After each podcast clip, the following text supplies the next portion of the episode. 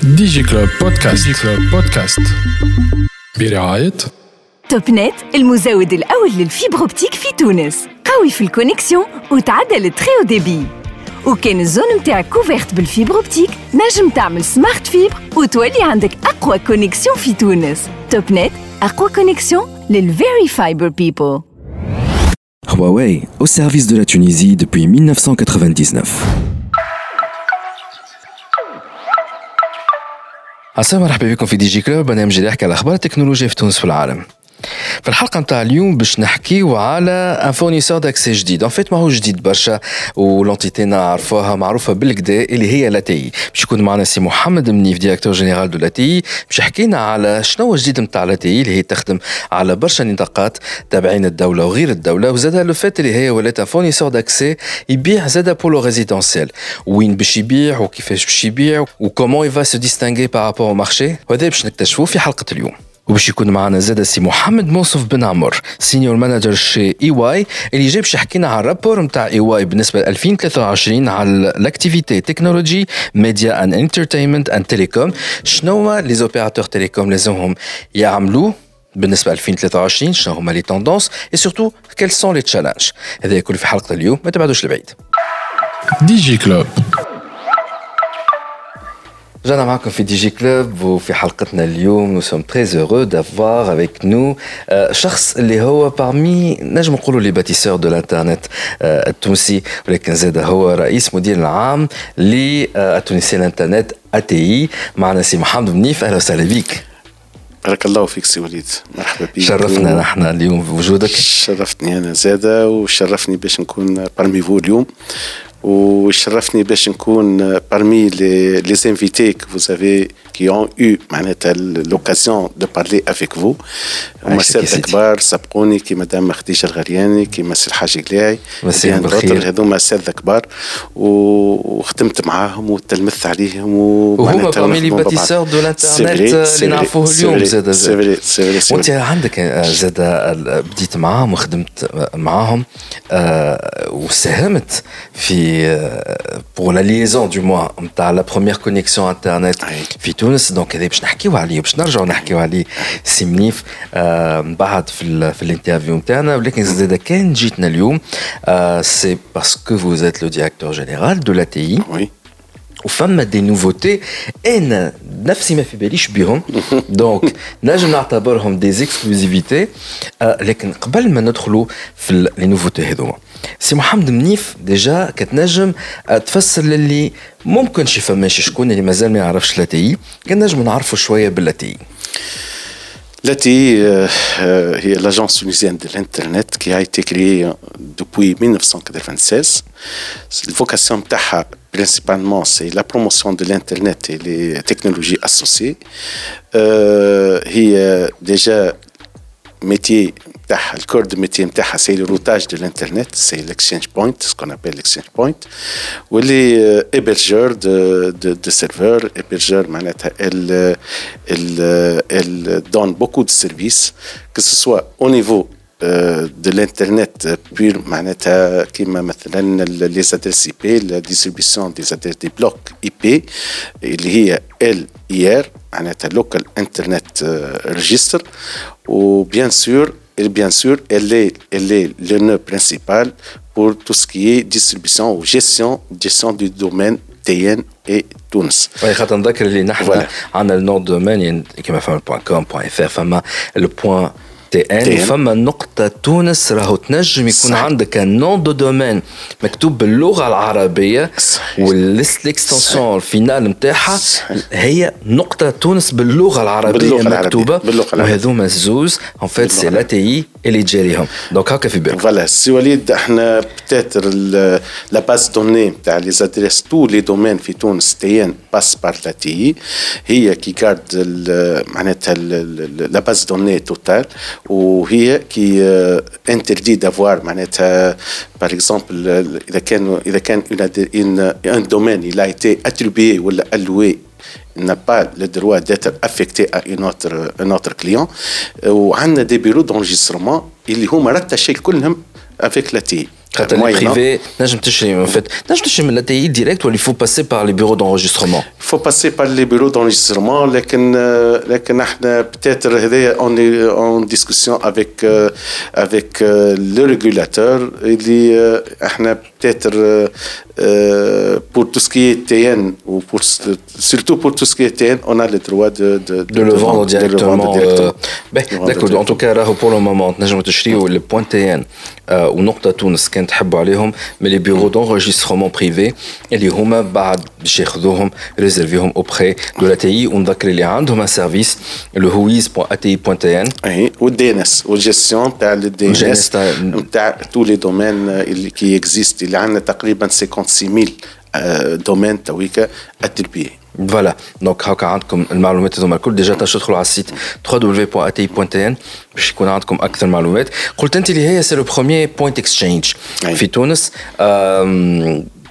والتي هي عملت نتذكر من وقت الفريدوم اون لاين في 2011 كان شغال ولا 2012 قاعدت لاتي تجري على لا بروموسيون دو الانترنت اكسشينج وأنها قاعدة تحاول تجيب تو لي زاكتور دو الانترنت أنهم يحلوا معاها في الإنترنت اكسشينج بوينت زاد لاتي بارمي لي شوز اللي هي معروف عليها. اللي هي زادة آه، تجري لك لي لي لي كونيكسيون بالنسبة للمؤسسات ولا بعض المؤسسات العموميه زادة ولا أنا غلط؟ أي. إحنا معروفين بال بالديستريبيسيون دو الانترنت بور لي كوميونيتي بوبليك كيما ليريزا الكوميونيتي نتاع الفلاحة كيما التربية. السي ان تي او كيما كيما السانتي بوبليك هذوما كيما الدفاع كيما الداخليه ce sont des communautés que l'ATI est le fournisseur officiel de, par la bande passante ou la bande passante اللي تمشي للي communautés هذوما donc elle, elle fournit depuis depuis تقريبا depuis longtemps elle fournit l'internet pour ces communautés اللي هما communautés publiques كيف تقول السنتر انفورماتيك نتاع وزاره الفلاحه معناتها ليليزا ولا السانتي بوبليك ولا السنتر معناتها ناسيونال نتاع السانتي سنتر انفورماتيك qui appartient معناتها للسنتر للسانتي بوبليك والا التربيه زاد كيف كيف دونك لا بوند باسونت سون كونيكتي ديريكتومون افيك لا تي Donc, ils, ils ne sont pas en train d'avoir l'Internet depuis des FSI qui met les FSI, les logos. Les privés, les forum, les Global Net, etc.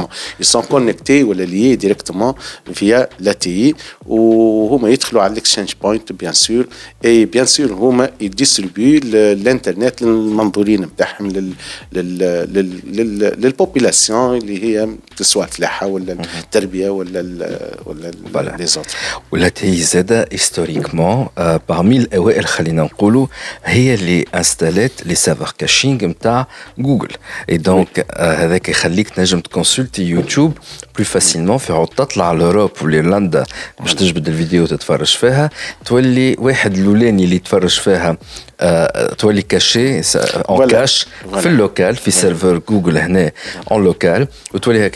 الثاني هو اللي من بعده الكل باش يدخلوا يتفرجوا يكليكيو تولي الداونلود بلو رابيد من لا فيديو على خاطر في باسي على الانترناسيونال يقعد هنا في الناسيونال اي دونك لا تي ا دي سيرفر دو كاشينغ دو يوتيوب enfin de Google parmi les premiers vous êtes وي. أول ولا ثاني واحد عملها يظهر في تونس. تقريبا الأولانيين اما أما أنت تعرف السي وليد هي اللي هو كي كوت شير سي لا بوند باسونت انترناسيونال دونك دونك لوبيراسيون دو كاشينغ اللي بتات التي لا يو بتات لافونس ولا عندها دوبوي معناتها الحكاية هذه على خاطر بور سي دون لو بوت دوبتيميزي لا بوند باسونت انترناسيونال كل حاجة تنجم تكون إحنا نقولوا avec un acheminement ou le flux national beaucoup mieux que l'utilisation de la bande passante internationale اللي هو ça coûte cher ça coûte cher à la communauté ça coûte cher على المجموعة الوطنية الكل donc ça coûte cher معناتها الميجا ça coûte beaucoup plus cher que que que le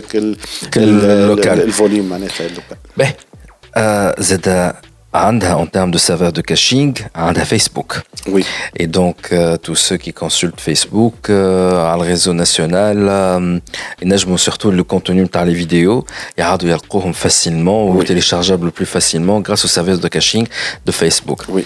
آه، نحن مازلنا باش نكملوا نحكيو على شنو هما لي زوتر سيرفيس نتاع لا تي خاطر راهو لا تي عندها برشا حاجات من نحن نحكيوش عليها برشا مي عندها برشا حاجات نوتامون لو كلاود ما ننساش تسمح لي بسؤال تنجم تقول لي آه، ما عنديش اجابه كان نعرف في زوموا الاجابه تنجم تقول لي وليد او مومون فولو كل شيء تعرفوه ولا كيما تحب انت فما بيانتو دي سيرفور دو كاشينغ نتاع نتفليكس عند لا تي Oui, oui, nous sommes en train de, de voir euh, cette possibilité. Nous avons eu des échanges avec Netflix. Peut-être que ce n'est pas encore euh, mis en œuvre, mais Inch'Allah, euh, c'est في في البلان تاعنا في معناتها في لي موا كي كي فين معناها قاعدين en négociation معاهم و سون معناتها افيك نيغوسياسيون ومعناتها تو سي ان بو افونسي peut-être مع الديريكسيون تكنيك نتاعنا مع ال مع ال مع نتفليكس il y a eu beaucoup d'échanges ان شاء الله ان شاء الله نتوافقوا pour pour avoir نتفليكس خاطر gaat er تعرف انت نتفليكس en matière de bande passante زاد سي سي ça consomme beaucoup. Ça consomme beaucoup. كيف ما كيف ما نشجعوا هذايا كيف ما نشجعوا حتى حتى الستريمينغ حتى حتى الستريمينغ معناتها لا عاد نزربوش. لا سينيف. لا خاطر هذا من الحاجات اللي نوفوتي خاطر أنا ما نعمل؟ باش نكمل شوية على حكايه الكلاود وبعدها نعمل بوز ومن بعدها باش نعطيو لي زانفورماسيون جدد واحدة منهم اكسكلوزيف أنا نعتبر اكسكلوزيف خاطر ما سمعتش بها. دونك جو بونس اللي هي تبع السيكتور نتاعنا باش تكون أول مرة تخرج في الميديا خليني نكمل avec les autres services نتاع l'ATI et notamment le service نتاع l'hébergement donc vous avez un service d'hébergement c'est ça Oui, nous avons un service d'hébergement, nous avons d'ores et déjà trois data centers اللي هما اللي هما sont des data centers qui sont chez les, les data centers peut-être مع télécom لكن ce sont des serveurs ce sont des voilà في les pop معناتها في القصبة وفي الوردية وفي في في في بلاس باستور اللي اللي إحنا تو تقريبا لي دوني كل نتاعنا سون ريدوندون وحتى trois data, data centers sont sont connectés ولا par des fibres noires. Voilà, Donc, vous êtes le cœur du réseau carrément. Voilà, toutes les données sont sécurisées avec la redondance totale ou avec une un, le maximum de sécurité et de redondance et de, et de disponibilité. Très bien. Euh, et donc en termes de, de, de, de services cloud comme l'IAS c'est ça l'IAS وعندنا كل ما هو housing كل ما هو hosting donc تقريبا les, les services cloud disponibles sur le marché احنا on peut les offrir وعندنا d'ailleurs nous sommes hébergeurs de beaucoup de beaucoup de sites web معناتها تقريبا عندنا 150 sites web hébergés qui appartiennent soit au ministère soit aux les offices soit حتى des privés وعندنا دي بوكو بوكو دو سيرفور دو ميساجيري ابرجي شي لاتي وتعرفوا لاتي سي زون دو كونفيونس لا هذاك زون دو كونفيونس انا فما زاد اون نوفوتي في الحكايه خلي باش نحكيو عليها بعد شويه فما برشا دي نوفوتي هذا كله بعد البوز احنا راجعين دي جي كلوب توب نت اقوى كونيكسيون للفيري فايبر بيبل Huawei au service de la Tunisie depuis 1999. Janamaka DJ Club, Defnassi Mohamed Mnif, qui est le directeur général de l'ATI. Donc, Balpozarkina à l'ATI, Chantam l'ATI. Euh, au fama des nouveautés, l'ATI. Euh, Khalina Nabdeo, l'information, on a traité la pause, elle est le cloud. Euh, donc, la nouveauté, c'est que maintenant, il est possible d'avoir son mail citoyen en l'ATI. Que tu Ah oui. Ça, c'est euh, euh, un projet euh, qui nous tient beaucoup كي تيان اكور على خاطر هي الحقيقة جات الإنيسياتيف من عند السيد الوزير وزير التكنولوجيا نوتر مينيستر دي تكنولوجي دو كومونيكاسيون سي نزار ناجي. آه، آه، سي نزار ناجي. آه، الحقيقة هو نو سوم بارتنير في البروجي نتاع الموبايل اي دي موبايل اي دي هو ليدونتيفيون اونيك نيميريك بور شاك سيتويان وهذا معناتها سي اون بلاتفورم كي ا ايتي انيسيي بار مسيو المينيستر اي اي et peut-être hébergé chez le Centre national de l'informatique, CNI, mais احنا الرول نتاعنا nous étions appelés, nous, nous étions honorés par, par cette invitation de participer كل ما هو ميساجري تعرفوا انتم التي historiquement le premier message le premier le premier peut-être site de messagerie électronique c'était رسالة National, ouais. national رسالة donc donc peut-être le- le- l'ATI est réputé par par معناتها par le- le- La la gestion messagerie par ou le la mail, gestion euh, de- mon- le mail d'une manière générale ou la messagerie électronique de- avec euh, toutes les technologies معناتها associées نتاعو avec le sécurisé bien sûr ou avec le- les anti-spam nécessaires etc etc donc الحقيقة معناتها on a participé avec euh, في المشروع هذايا الموبايل اي دي pour donner euh, une boîte à lettres pour chaque citoyen الحقيقة l'utilisation نتاعها هي من الفكرة l'idée l'idée c'était peut-être euh, pour l'utiliser exclusivement pour le- tout ce qui est dialogue avec l'administration. En état, l'administration vers le citoyen et le citoyen vers l'administration. Et peut-être ça, c'est euh, peut-être l'idée initiale. Mais, mais la les mois prochains, ou peut-être en discussion avec Saïd Louzil, peut-être cette expérience va être fructifiée. Et la on a mis en place une plateforme, une plateforme dédiée pour ça, bien hautement sécurisée avec les certificats. La c'est juste pour juste euh, euh, j'aimerais bien j'aimerais bien euh, euh, dire que cette, ce projet est une belle collaboration entre les institutions qui m'a bien sûr centre informatique الوزارة bien sûr centre national de l'informatique CNI.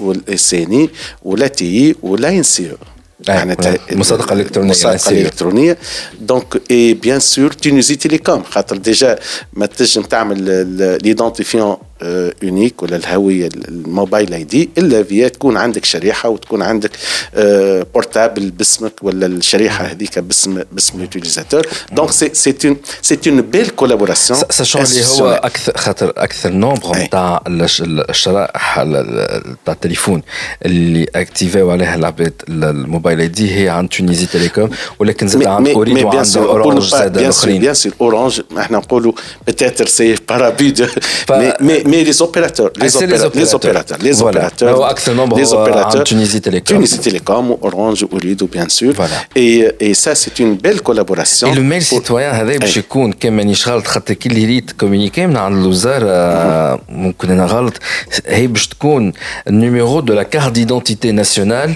arobase ati.tn ولا هذا سيتي تيست فما ايدونتيفيون فما ليدونتيفيون معناتها نتاع الموبايل الشخص. هذا الشخص هذاك. ومن بعدين دونك هي هي هي ديجا إحنا تو نفكروا باش تكون حتى بلو اكسبليسيت معناتها معناتها اسمك اسم اسمك وكذا. الشخصي. و peut-être il pourrait être utilisé حتى pour pour tout ce qui est euh, échange euh, personne à personne ou etc etc على خاطر اليوم برمي حتى لي لي معناتها لي لي زوبجيكتيف اللي عندنا إحنا سي دي مانيا جينيرال بروموفوار تو سكي ناسيونال بروموفوار لي دومين ناسيونال بروموفوار لا ميساجيري ناسيونال ناسيونال واذا كان اليوم تعرف أنت بار اكزومبل شي لي ستوديون شي كذا اليا اون بون بارتي منهم هما اللي تيليوز دي دي ميساجيري كيما جوجل وكيما جيميل وكذا وهذايا بتاتر هذايا عنده عنده امباكت على الفلويديتي دي دي دي حتى على لاريفي Transmission دي تاع ميساج les données. peut-être peut-être وقت اللي يكثروا لي ميساج ولا avec des pièces attachées ولا كذا il peut il pourrait être stoppé ils peuvent être stoppés quelque part chez Google ولا chez chez les fournisseurs هذوما chez les Les privés les هذوما géants اللي على هذوما. l'étranger. donc donc احنا ماذا بينا nous sommes en train de promouvoir tout ce qui est national c'est pour surtout pour la fluidité des de de de, de l'acheminement de de des messages, des mails. Voilà. Des mails. Alors, pour récapituler, euh, peut-être ceux qui n'ont pas vraiment compris, en fait, un mail euh, qui va peut-être servir pour les échanges, Gmail ou Outlook, euh, en fait, euh, c'est surtout pour les échanges avec l'administration tunisienne. Donc, l'administration tunisienne doit être via cette adresse mail qui devient ton adresse mail. بروفيسيونيل ولا اوفيسيال خلينا نقولوا من غير ما تراسلك تثبت الهويه نتاعك دونك هاك الادريس ميل تثبت اللي انت فلان فلاني هذيك الادريس ميل اي دوكو سيرفيس دي مين باغ اكزومبل ينجم ي- يجاوبك وتولي هذيك Voilà. زاده نجم Voilà. يولي سا ايفولوي يولي ليسباس دو ستوكاج Voilà. تاع تو لي دوكيومون Voilà. ادمينستراتيف اوفيسيال Voilà. سيرتيفيي الكترونيكمون Voilà. احنا on a consacré تقريبا une capacité de, so- de 200 mégas pour chaque citoyen. Ça n'empêche, c'est هي هي ما زالت في التجربة الأولانية et on va agrandir cette plateforme pour héberger parce que parce que notre ambition d'avoir d'avoir d'ici trois ans la حاجة كيما هكا au moins un million de, de, de, de boîtes mail et gérer un million de boîtes mail c'est quelque chose de, de, de pertinent quelque chose de, de c'est pas facile c'est un challenge techniquement c'est un challenge ومعناتها والutilisation نتاع البوات ميل bien sûr associée et corrélée avec les services qui existent sur cette plateforme اليوم سي وليد اليوم مثلا تنجم تعمل تستخرج الاكستري دو facilement via cette plateforme. Et Dieu merci. Et. Dieu merci. Effectivement. Donc, donc, donc, donc et ça, c'est peut-être c'est peut-être le début. Mais, mais ah, on espère avoir beaucoup, beaucoup de, de digital, beaucoup de, de, de, de services, de services digitalisés via cette plateforme. Et c'est une très bonne initiative. Inch'Allah, euh, تواصل pour avoir, pour avoir beaucoup, beaucoup de services. Exactement. وقد ما فما beaucoup de services, bien sûr, قد ما la boîte de messagerie تولي utile علاش قلت لك دو شوز كي سون كورلي تري بيان نجي توا لينا نعتبرها ان اكسكلوزيفيتي ان شاء الله برك ما تحرقوش فيها المعلومه هذه على على ما يخرج الابيزود هذا في بالي شبه انا اللي نعرفه سي كو لا تي est un fournisseur d'accès Internet, accès, service ديما نقول لنا اف اي fournisseur d'accès Internet pour les B2B ولكن الجديد هو سي محمد منيف شنو هو جديد؟ Bon, جديد que, que la TI va euh, euh, attaquer le, le segment, le segment B2C.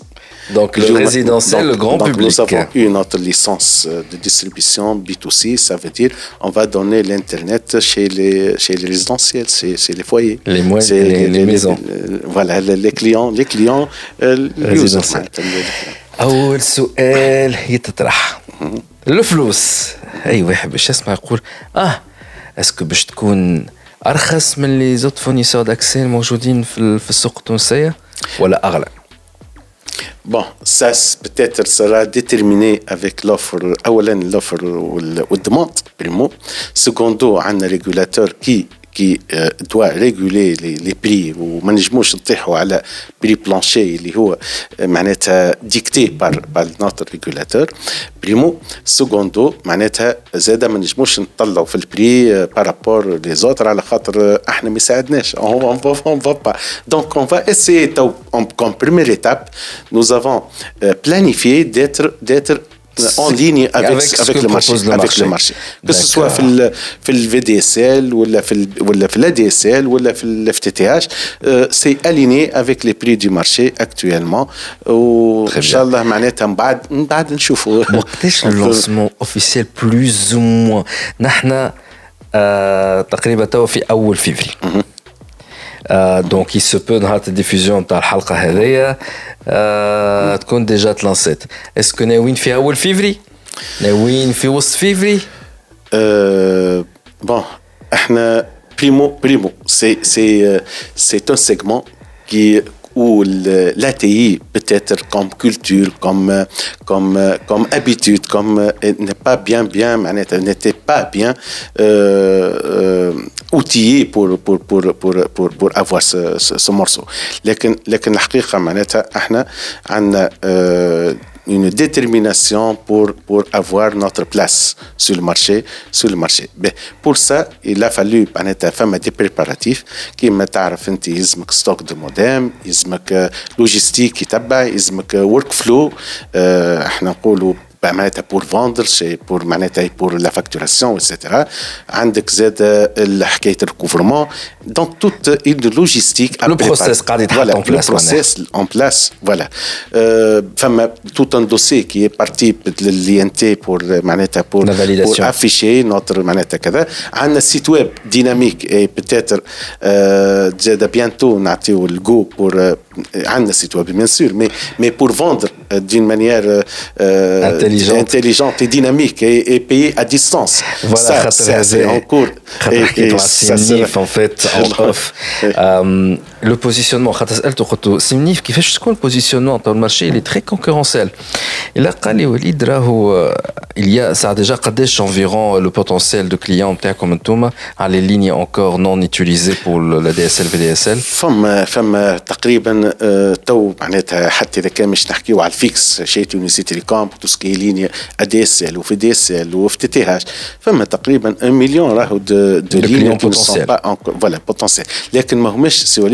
sud, euh, on peut pas, euh, on peut pas compter beaucoup sur les les, les, les agglomérations, sur, sur le Grand Tunis, sur euh, sur l'Oulayet, le côtier.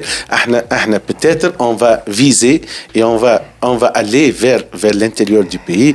Peut-être c'est ce qui nous intéresse plus sur l'intérieur l'intérieur du, du, pays. pays. Donc en fait, c'est le sud, ça, le sud, au, sud, au, sud centre ouest. ouest, voilà au centre ouest.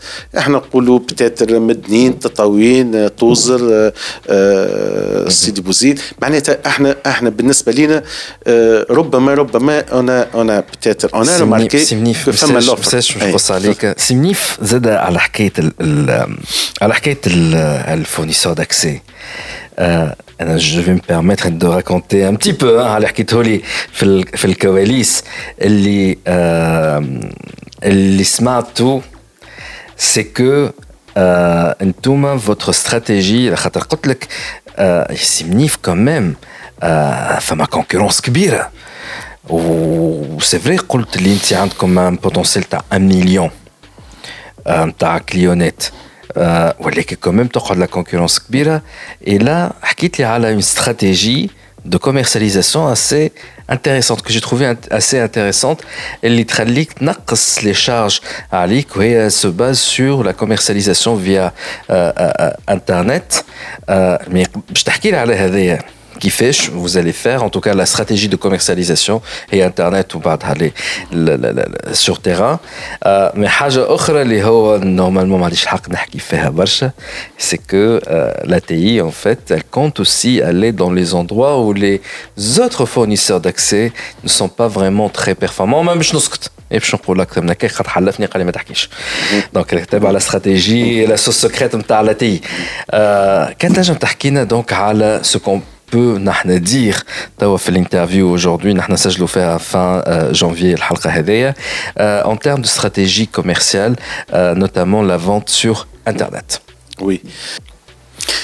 Euh, oui, c'est Walid. Elle, euh, peut-être, euh, en ce qui concerne notre stratégie commerciale, احنا دوري ديجا عندنا اجونس عندنا اجونس في اليوم موجوده في في في البحث السياج بتاعنا و مي مي euh, non seulement ça, nous, nous avons euh, peut-être préparé euh, notre site web pour vendre tout ce qui est مشكل accès, accès au domaine TN وما إلى ذلك tout ce qui est cloud.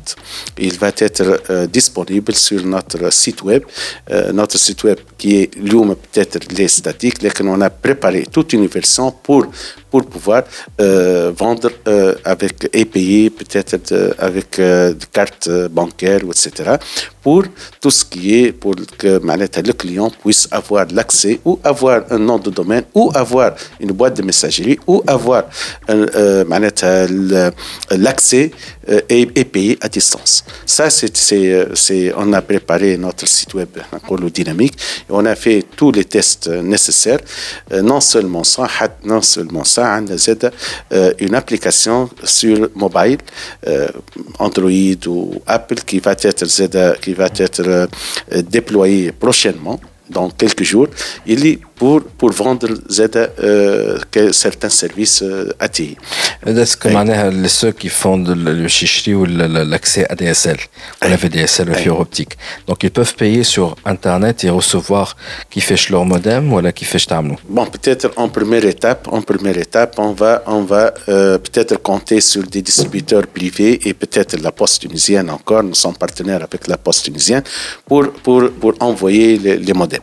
لكن الحقيقة الحقيقة pour être efficace il faut il faut penser à des points de vente de proximité وين انت تحب تبيع يلزم عندك une agence ولا franchise ولا en second lieu Hein Sogolium, allez en أي، premier sur نعم. l'internet. Voilà. ومن بعد بشوي بشوي بعد vous allez نقربوا نقربوا avoir des شويه revendeurs الكليونتيل agréés. نتاعنا و peut-être avoir des points de vente proches لل- لل- للزون اللي باش نبيعوا فيها باهي، très لكن bien. لكن tous les canaux sont possibles اليوم اليوم il faut il faut vendre avec tous les canaux possibles Voilà. pour réussir le, le, La- le lancement le- d'un bien sûr, le, le- le bien fournisseur sûr. d'accès, je Bien disais, sûr. pour le grand public l'ATI.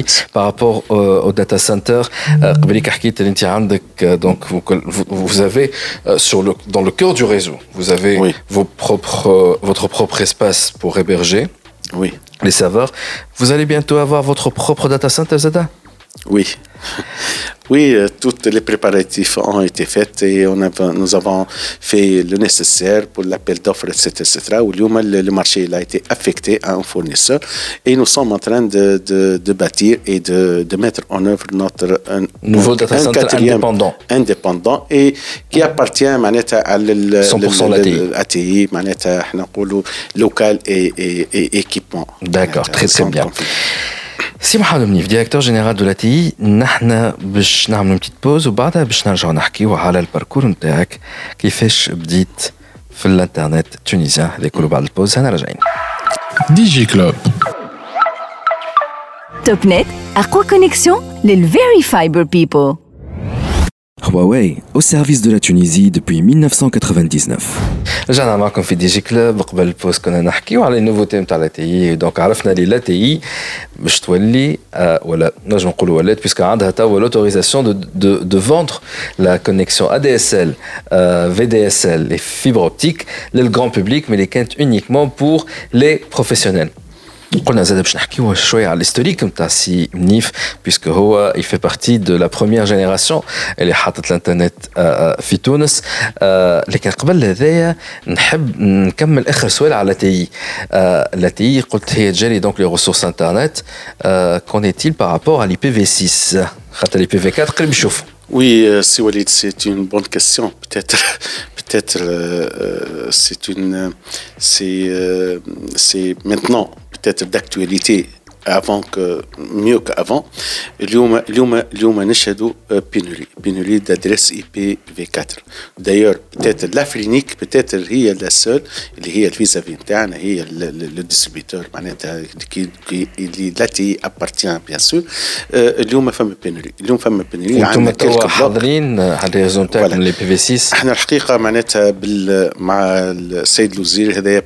بتاتر ممكن أول جلسة مع السيد الوزير حكينا في الموضوع هذا.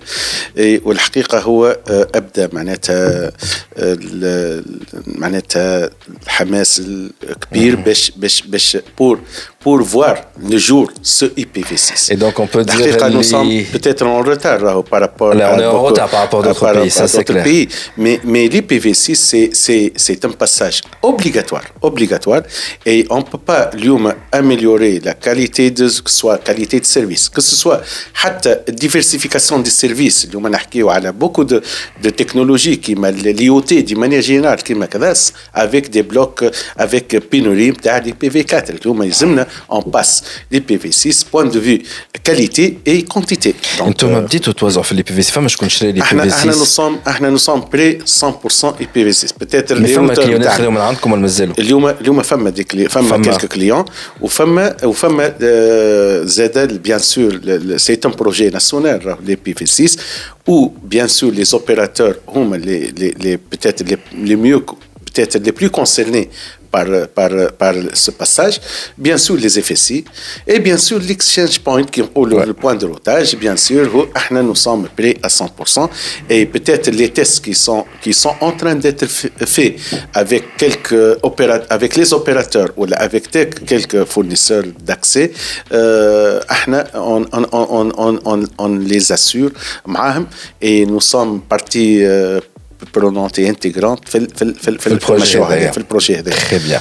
Ben, si Mohamed Mnif, avant d'être directeur général de l'ATI, euh, كتحكي لنا شويه على الباركور نتاعك كيفاش بديت شنو قريت ديجا اه وي بون عايشك سي وليد ميرسي عليك دونك انا ال- انا متحصل على دبلوم دانجينيور ان كونسيبتور ان انفورماتيك من في العام؟ à l'époque من الفاك دي سيونس en 1990 promotion 1990 peut-être les bon, مش la première génération, peut-être la troisième, quatrième peut-être génération اللي تخرجت من الفاك دو سيونس ان طونك انجينيور انفورماتيسيان وهذوما بتات الاولانيين اللي هما موجودين اليوم في لي بانك. بتاتر جو بو سيتي زيادة المثالي.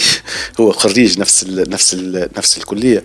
معناتها لي بريمي لي بريمير جينيراسيون نتاع الانفورماتيك تخرجوا من الفاك دو في تونس على الأقل تخرجوا من الفاك دو سيونس من الفاك دو سيونس افون دافوار بعدين لي زيكول دانجينيور اون انفورماتيك كيما d'ingénieur national en informatique. Que ce soit في تونس ولا حتى في ال في ال في في, في صفاقس وكذا دونك إحنا بالنسبة لينا بالنسبة لي الكارير نتاعي بدا في في الفاك دي سيونس كوم إحنا نسميوها دي, دي يو إس معناتها دي ديبلوم ديبلوم يونيفرسي ديبلوم تسمى دي يو إس ديبلوم يونيفرسيتير. D'études approfondies حاجة كيما هكاك ومات فيزيك شيمي اي بعدين فما بعد الديزون هذوكم نعملوا سيكل دانجينيور اون انفورماتيك بور بور فير لي سيزون كنا دي انجينيور دو سيزون في ال في, ال بعد الباك بعد ما عملت خديت لو تيتر شنو خدمت اول حاجة؟ Bon, peut-être le, le PFE, j'ai passé le, le stage de PFE في l'Institut régional en sciences informatiques et télécommunications. C'était un centre de recherche où peut-être j'ai commencé mes premiers pas professionnels. Déjà, euh, في الديبي bien sûr عملت البي اف في السنتر هذايا الميموار de fin d'études et, euh, et, et, et suite à ça peut-être le sujet était le travail sur ce qu'on appelle le, le vidéotexte à cette époque الفيديوتكست ما نعرفش وليد انت ممكن ما تعرفوش انا نقول لك نتذكر الفيديوتكست نتذكرها كان اسمه لو ميني تيل وتنذكر في اونتين 2 انا من الجينيراسيون القديمه كانت تتفرج في اونتين 2 وقتها كانت اونتين 2 موجوده في تونس لا شين فرونسيز ولات فرانس 2 دونك في فرنسا كان قبل الناس كلها تحكي بالميني تيل اي دونك لو ميني تيل سي لو نون كوميرسيال نتاع لو فيديوتكست لو فيديوتكست هو الحقيقه هو الحقيقه لو فيديو لو ميني تيل c'était français, système français, mais, mais il y a d'autres, le vidéotexte que mot générique, mais, mais il y a, il y a des français, hein, des militaires, femme, femme le système anglais, femme le système italien, femme le système canadien, mais كلهم يدوروا على ce qu'on appelle la norme T100 في اليو تي سي لو فيديو تكست لو فيديو تكست هو عباره على على معناتها تروا trois parties. La première partie, c'est le end user.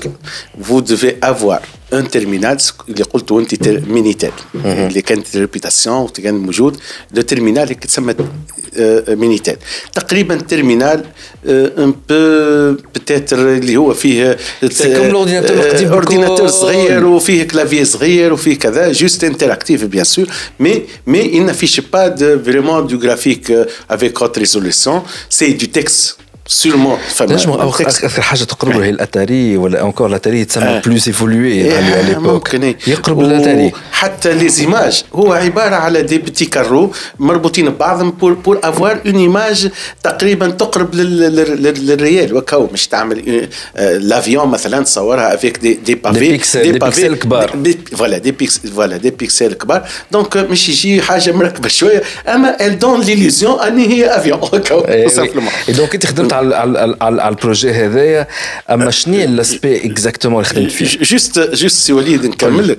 دونك هذا الترمينال. الترمينال باش مربوط. مربوط بسكون ابيل بوان داكسي فيديو تكست إيش معناتها البوان داكسي فيديو تكست سي ان سيرفور فو هو اللي هو اللي يعطيك هو اللي هو اللي فو il donne bien sûr l'information لا البوان داكسي فيديو تكست مرتبط بالترمينال. هذا مينيتيل فيا اون ليني تليفونيك كوميتي عادية. عادية avec un modem, c'est ce qu'on appelle lié avec une ligne comité. Je pense que c'est l'ancêtre de l'RTC. Hein C'est l'ancêtre du bas débit, l'ancêtre سي معناتها التليفون العادي كوميتي بالنسبه بعدين البوان داكسي فيديو تكست لورسك فو تابي le nom du serveur اللي تحب عليه انت par exemple vous voulez des informations sur l'aéroport ولا sur الجار ولا sur l'avion وقتاش يوصل l'avion وقتاش توصل lorsque vous tapez مثلا aéroport de Tunis فما des des mots des mots clés bien sûr il, il, il vous achemine il vous euh, embarque sur le serveur réel اللي فيه الكونتوني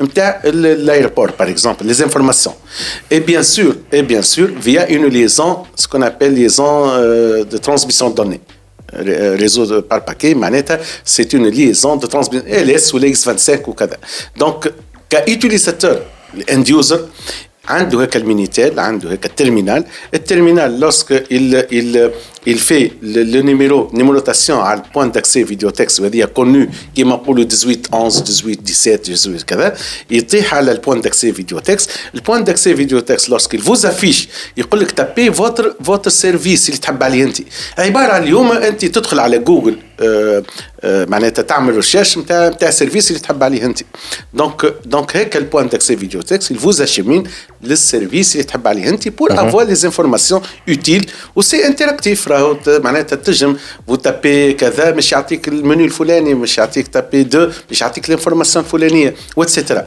دونك سي سا سي سي ا ليبوك سي لو فيديو تكست أول ما دخلت للانستيتو هذايا للسونتر هذايا خدمت على على لارابيزاسيون دو سوكي فيديو تكست معناتها اون اون اجوتي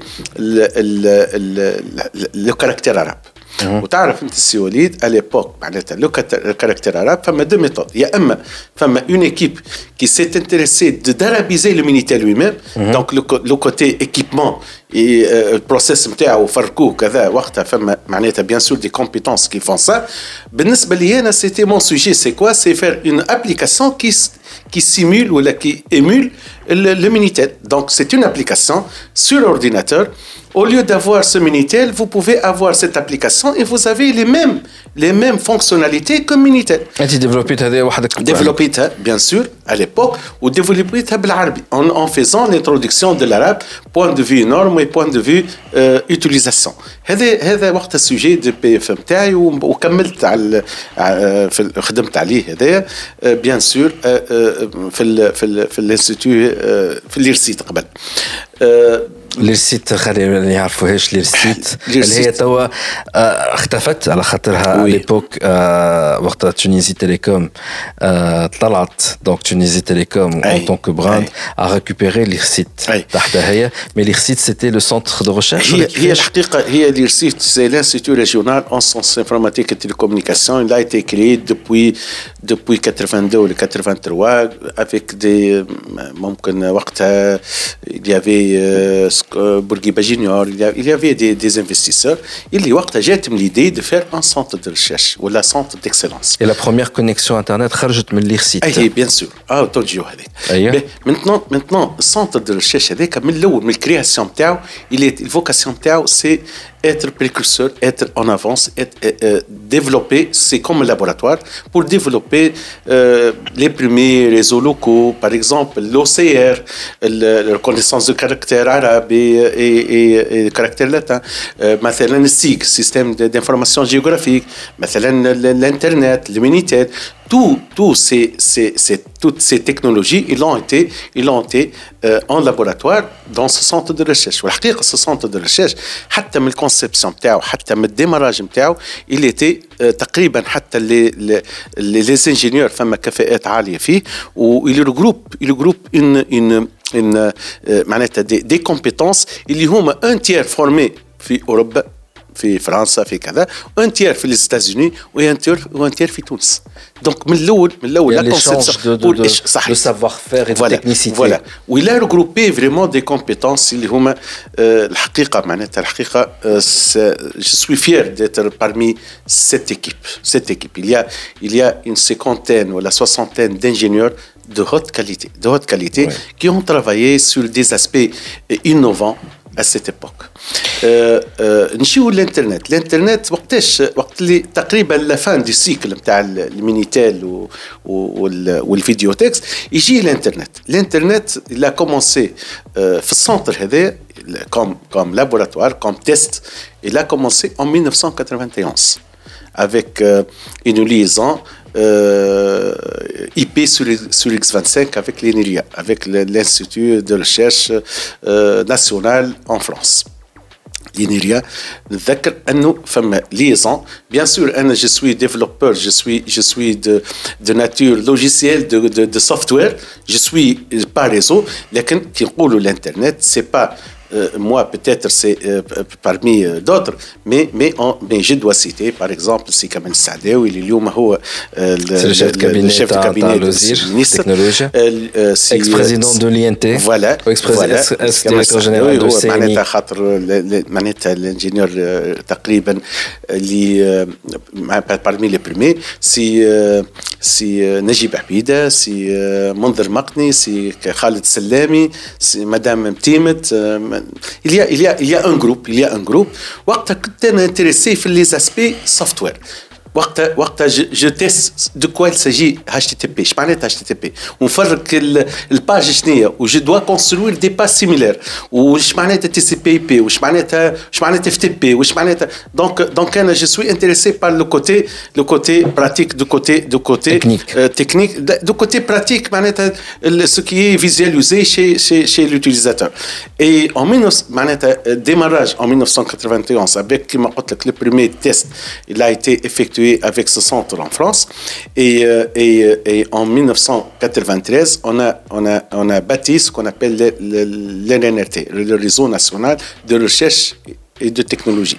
هذا عبارة على réseau réseau d'internet dédié pour pour les centres de recherche في تونس. Et là et, et, et l'IRSIT était le fournisseur d'internet à cette époque, peut-être le premier fournisseur mm. d'internet qui qui a servi الكوميونيتي دو ريشيرش على خاطر وقت الانترنت مازالت في معناتها في طور صغير في في في شي شي شي لي سونت دو ريشيرش دونك هذه en 1991 et nous étions peut-être le premier arabe le premier pays arabe et africain qui a commencé l'internet à, à, à cette date à cette date donc انا انا je suis fier d'être parmi parmi cette équipe et euh, et bien sûr بيان سور l'IRSIT هذه معناتها à côté de l'internet il a développé pas mal de, de DAX كما قلت لك السيستم d'information géographique avec سي ماجد خلف الله avec سي منصور الشاوش avec avec سي ناصر شمام avec avec toute une équipe formidable équipe وعندنا كوتي هاردوير ومعناتها اللي يحض له البروسيسورات وكذا سي مصطفى الغربي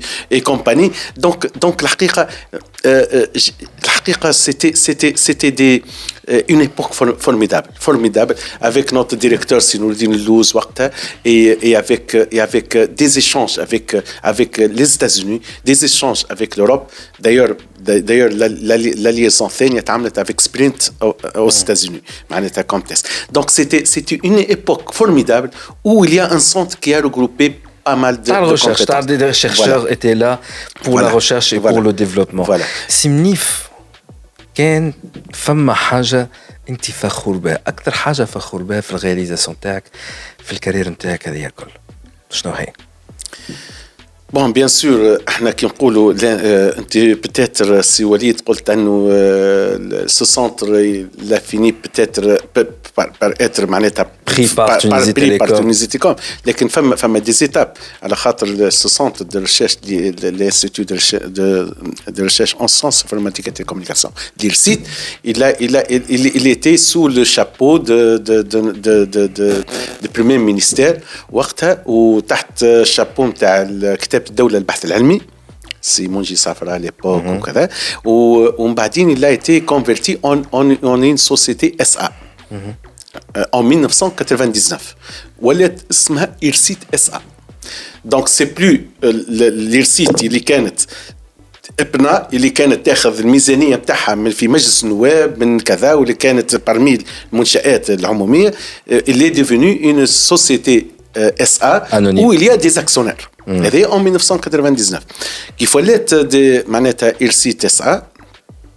بعدين التسمية نتاعها ديجا لي زاكسيونير أغلبية لي زاكسيون اون ايتي راماسي بار بار لا سوتيتيل اي تسمات وقتها سوتيتيل اي تي وقتها اليبوك سي حسوم الزيتون الله يذكره بالخير بيان سور زاد من اساتذتنا الكبار هو وقتها ديريكتور جينيرال نتاع نتاع السوتيتيل وبعد بعد سوتيتيل اي تي تنقل اسمها اي تي كوم dont j'étais son directeur général. Mhm. Ouais. Pendant 4 ans. C'était quelle année C'est en 2003 à 2017. Oui.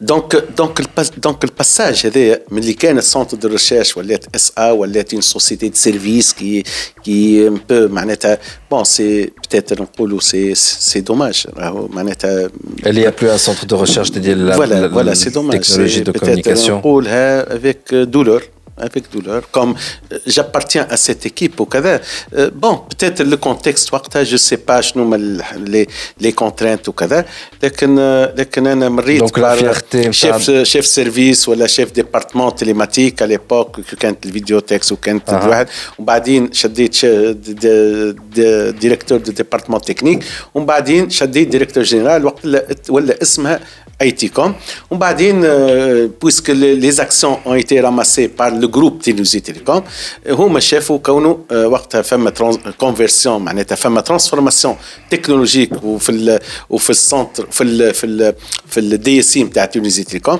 ils ont vu ils ont vu le- le- peut-être le- le- l'opportunité d'avoir euh, de regrouper regrouper parce que c'est devenu comme une filiale de, de, de, de, Tunisie Télécom. Ils ont ils ont معناتها regroupé وقتها les ingénieurs وكذا ووليت اندمجنا في تونسي تيليكوم سي en 2008 دونك لو 2008 آه لي انجينيور نتاعنا ولي كومبيتونس اللي قعدوا مازالوا لهاك الوقت هذاك يلون يلون انتيغري تونيزي تيليكوم Mhm. Tunisie Télécom, il nous a euh, l'incubateur finalement. Ouais. Donc, en plus, tu fait Tunisie Télécom, votre CV. Euh, vous étiez aussi un directeur euh, euh revenu assurance, euh, euh, revenu assurance et lutte contre la fraude chez Tunisie Télécom. Oui. oui. et donc, Will? بزنس انتليجنس Business هو اول intelligence. ما وقع ال- الادماج في تونيزي تيليكوم جي بري جي بري لو بروجي بتاتر سيتي سيتي il n'y avait pas BI في تونيزي تيليكوم en 2008 فما فما دي échanges par Excel par كذا هو ce qu'on appelle BI BI معناتها c'est un portail de de de c'est c'est business intelligence c'est portail de statistiques finalement qui donne une vision claire à tout ce qui se passe hier tout ce qui s'est passé hier euh, les ventes les chiffres d'affaires les كذا les كذا كلهم هذوما portail de statistiques وسميو la technologie كل BI donc en 2008 euh, j'ai industrialisé j'ai- j'ai- je suis par- معناتها je suis le directeur de ce projet pour avoir euh, un Canva ou un, un logiciel commercial qui, qui, qui nous a permis de faire ce portail de statistiques selon des initiatives et selon des, des, des, des, des, des, des, des rapports euh, demandés par, وقتها le- le- le- le- par, les- par, par, par soit le commercial, par la direction générale, par CADA. Nous avons bien sûr tout, euh, tout un plan pour développer ces rapports. Et, et وقتها سميناه portail inf- euh, infocentre ولا portail de statistiques ولليوم لليوم il, il donne beaucoup beaucoup beaucoup de de احنا نقولوا d'aide à la décision euh, euh, pour utiliser Télécom, que ce soit au niveau de direction euh, commerciale, direction contrôle gestion, euh, à tous les niveaux. C'est une fierté que j'ai mm. peut-être j'ai participé activement par, par Manetta avec bien sûr l'équipe euh, Waqta pour, pour, pour, pour former ce qu'on mhm. appelle le business intelligence chez Tunisie Telecom qui a démarré réellement en 2008-2009. Déjà la, la, plateforme c'était euh, Manetta euh, en, en, en 2009 réellement. That's what I call, we call an achievement. Voilà, c'est une fierté. هذه سي الحقيقه قعدت لي سي اون فيرتي من بعدين en 2000 تقريبا 12 je suis euh, appelé à, à faire le directeur à, à diriger le CNI Centre national De l'informatique. Centre national, Centre national de l'informatique et, et j'ai eu beaucoup de souvenirs des bons souvenirs الحقيقه على خاطر بالنسبه للسيني آه، فما كانت ليدي فيك اللي عرضتهم أنه بتاتر آه، فما فما تقريبا إحنا نقولوا بوا دي جينيرو معناتها سيسون دي سيسون معناتها النيفو نيفو دي عالي آه، نتاعهم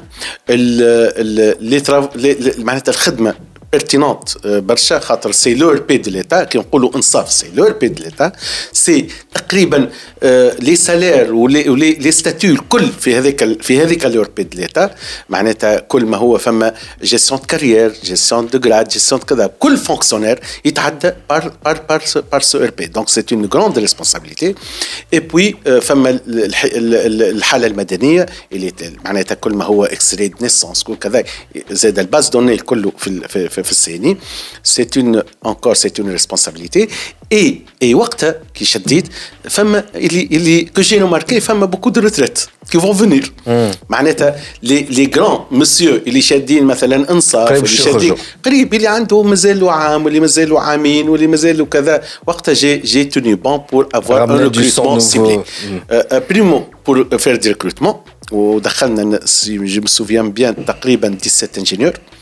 bien sûr le concours bien sûr وكذا avec tout tout tout le, le, le, le- ce qui est nécessaire ou, ou non seulement ça j'ai essayé de, de, de mettre en euh, documentation nécessaire على خاطر اللي يخرج في الريتريت عنده beaucoup عنده je cite euh, bon ce sont mes amis mes collègues كيف سي نجيب جنحاني كيما كيما معناتها مدام مليكه معناتها beaucoup de euh, de euh, demande beaucoup de, de معناتها de compétences اللي عندهم beaucoup de savoir faire mais c'est pas ديما ديكم- معناتها documenté donc euh, donc la, doc- la documentation on a commencé la documentation واحد عنده آه، في مخه مثلا لي ستاتيو نتاع نتاع نتاع معناتها ال- ال- ال- ال- ال- la كيفاش باس من الجراد لجراد كيفاش كذا تو تو لو ستاتيو نتاع نتاع مؤسسة عمومية ولا نتاع نتاع وزارة وبتاع كذا. دونك il va falloir ça باش حتى كي يخرج الريتريت فما ال- اللي بعده يلقى يلقى يلقى دوكيومونتاسيون وحاولنا زاده باش نعملوا رينوفاسيون تاع اللي خاطر مثلا لور بي رينوفاسيون تاع لي لونغاج دو ديفلوبمون اللي يتعامل به وكذا بور بور اتر على باج بور بوفوار معناتها rendre plus à la page باش pour qu'il puisse répondre à beaucoup de besoins et rapidement. هذوما الحاجات اللي عملناهم.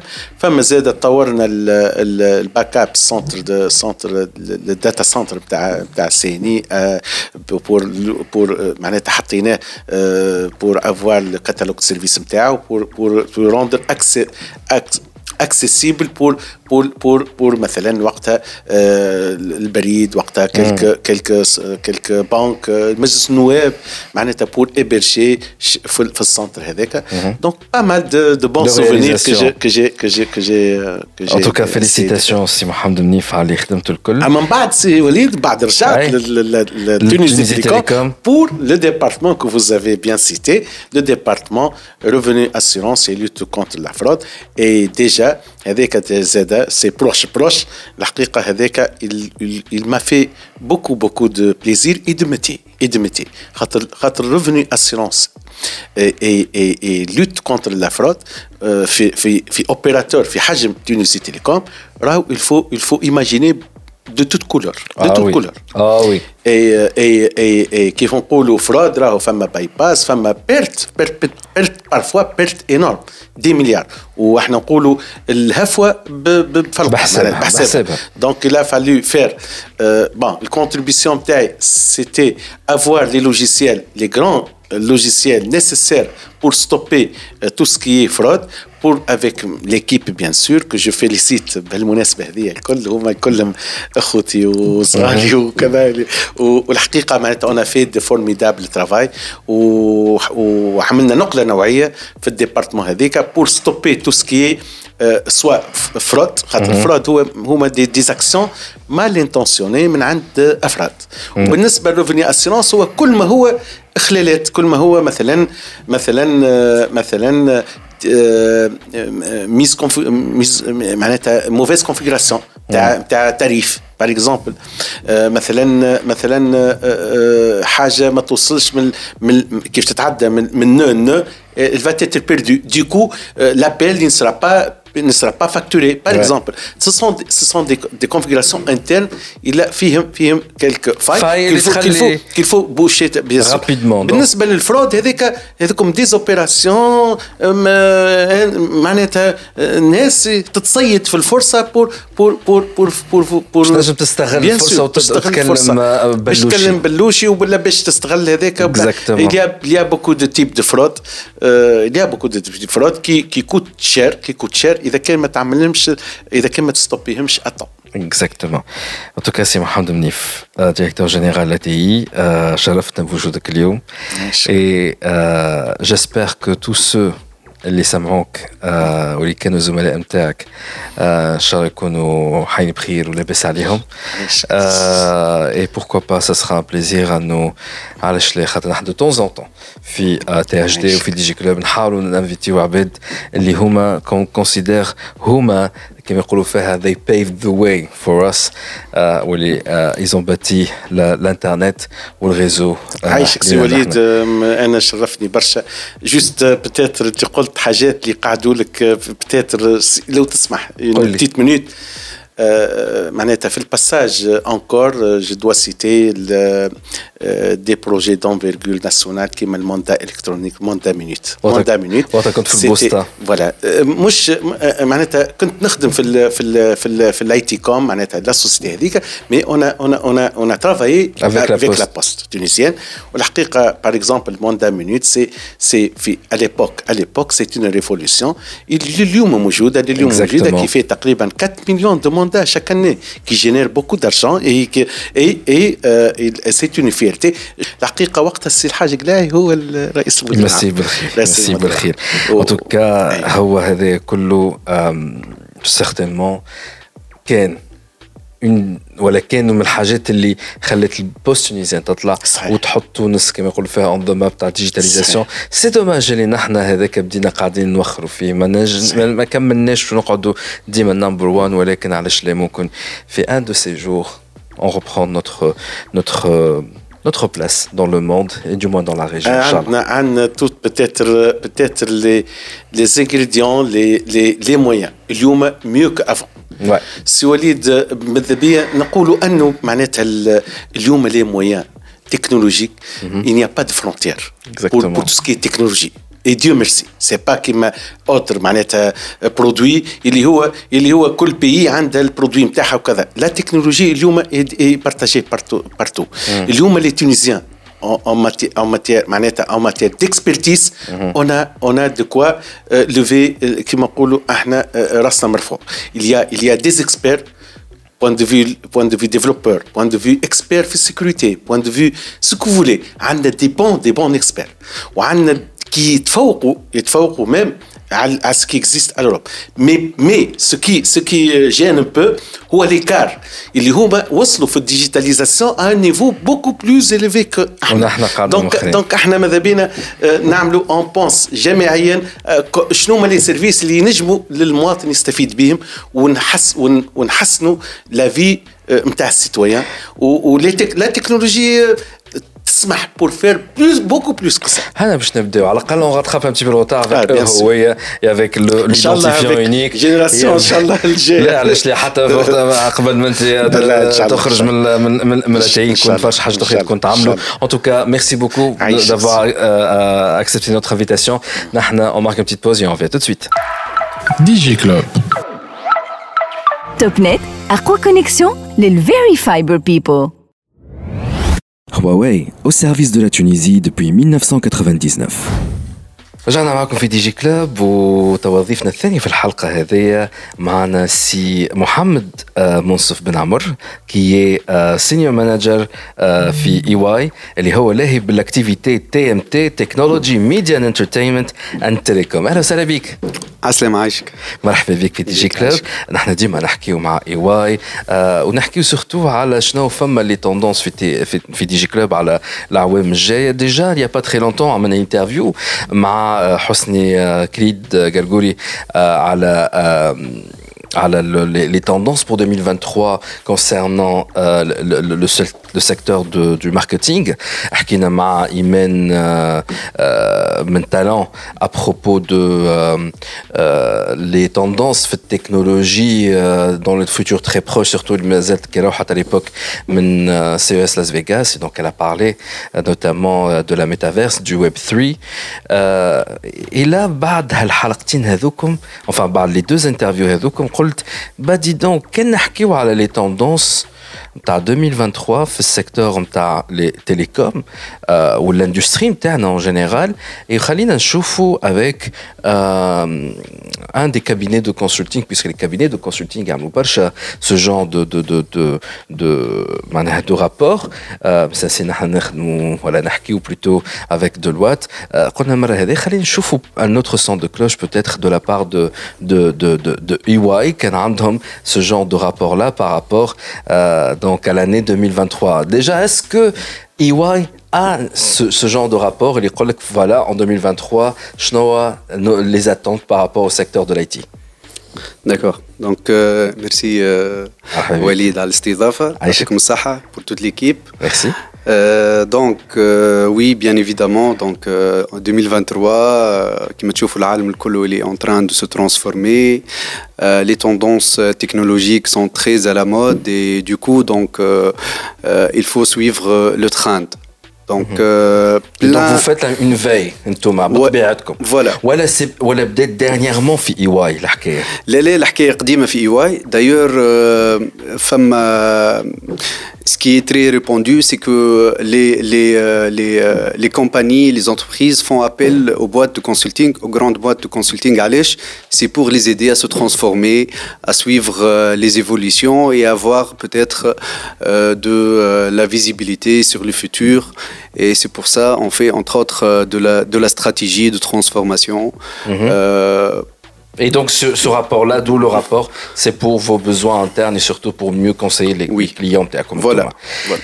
باهي عندي سؤال ممكن تاع بهيمة شو حضر روحك متى avec الكيسيون تاع البهيمة تاعي يا با دو كويستيون بيت لا لا ديما نقول عندي كيسيون تاع بهيمة وسعوا بالكم معايا وحتى اللي قاعدين يتفرجوا ولا اللي يسمعوا توكا اللي مش عاجبهم عليه كان يبدل يمشي حاجة أخرى يتفرج فيها ولا يسمع فيها تنتي دو مفخام effectivement باهي جو ديزي يا أخي علاش TMT, technology, media and entertainment and telecom. Je technology ou télécom, je peux comprendre. Mais allez, media and entertainment.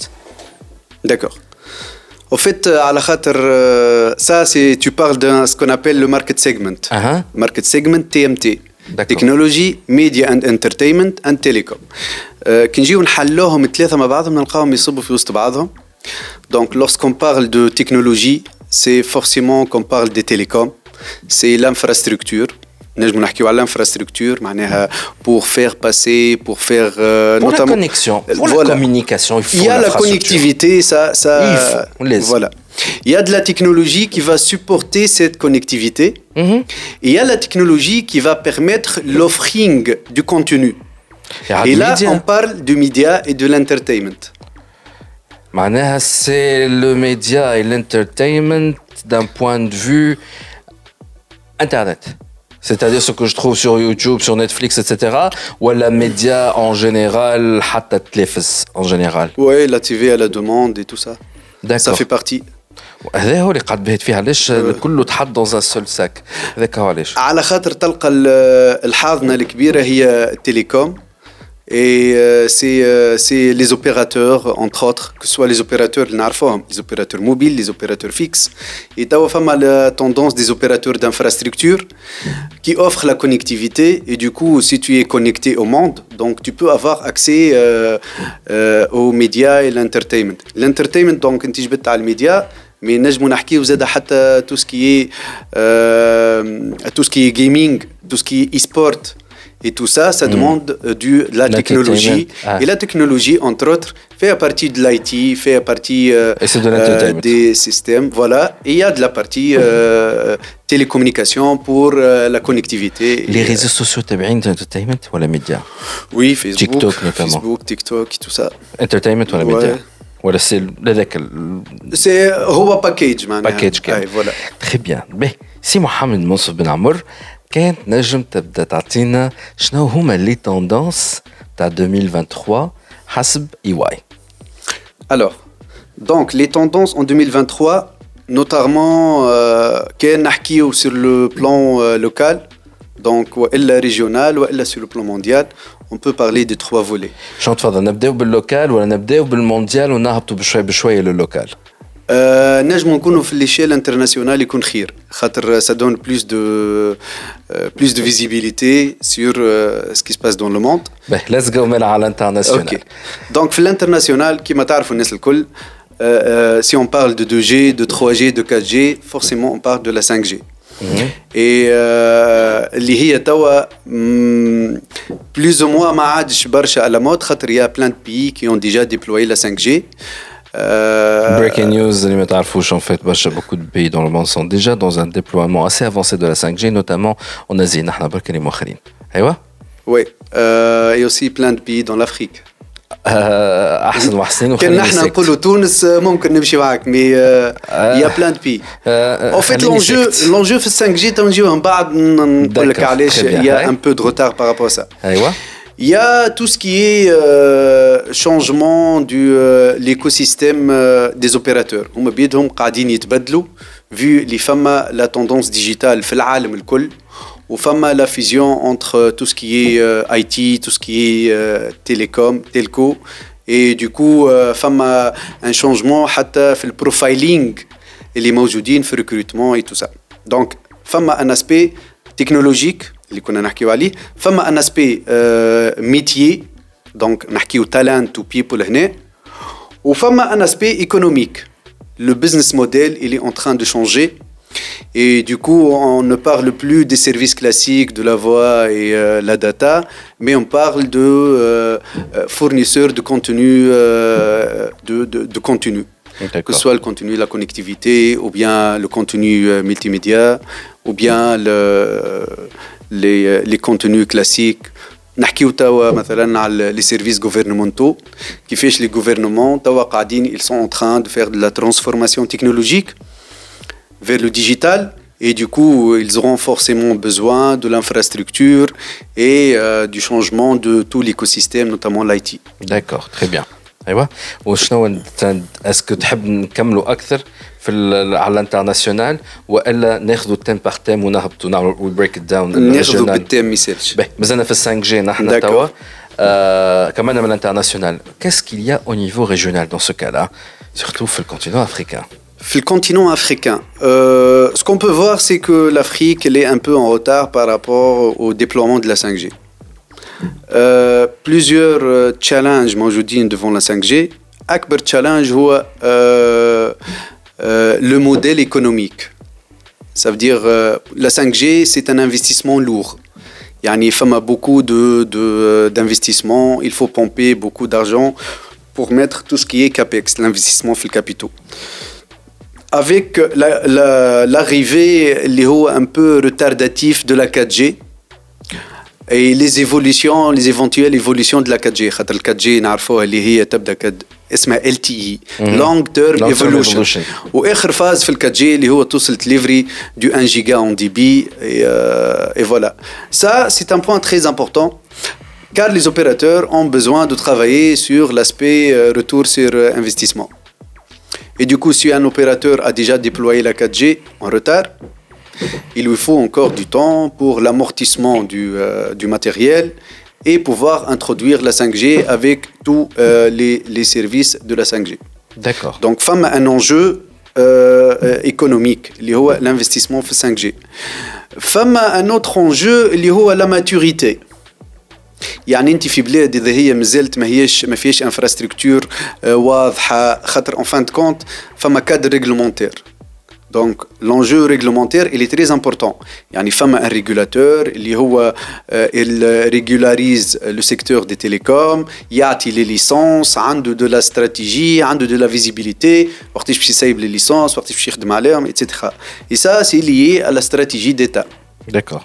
Donc grosso modo, quand j'ai une stratégie au niveau euh, euh, de, de, يقولوا فيها في رئاسه الحكومه والا الوزاره الاولى سا ديبون دو ريجيم والا الرئاسه اللي يتخدم فيها لا استراتيجي دو ليتا ومن بعد فما ديكلينيزون سور لي زاكتور كلي نوتامون نحكيو على لي مينيستير دو تكنولوجي ديتيك وبعده فما ديكلينيزون على لي زونتيتي كي سون كونيكتي نوتامون لي زوبيراتور كي سوا لو بيزنس والا الريغولاتور اللي هو باش يحل لابيل دوفر لي ليسونس اي اي فوالا D'accord.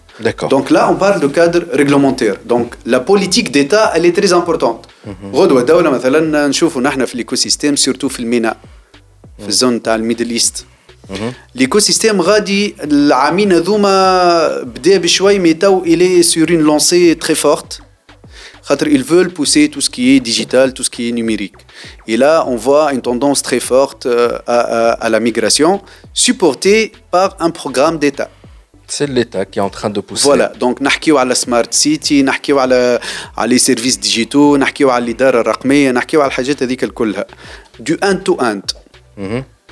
يعني ما تلقاش بلاصه من بلاصه اي سا سا سو ترافاي اي دونك تلقى لي زوبيراتور هما لي زاكتور بور سيبورتي تو سا دون بارتي تلقى لي بوات دو كونسلتينغ كيما اي واي pour supporter les programmes de transformation. Donc, si j'ai bien compris, au niveau régional. Mais lorsqu'on dit régional, c'est déjà la région. C'est ça le paradoxe. Elle fait partie de deux régions. Elle est El Mena, Middle East and euh, North Africa. Et en même temps, elle fait partie d'une région, bien que femme des personnes, hein, mais elle fait partie du continent africain et donc du marché africain.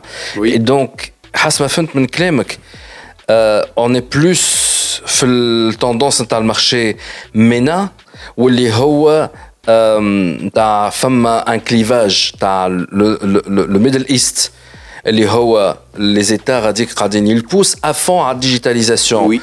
comprendre plus de connectivité et donc plus de déploiement de la 5G ou la facilitation du déploiement de la 5G. Donc, هذا اللي توقعوه انتم pour 2023. Oui. C'est bien, j'ai j'ai bien compris.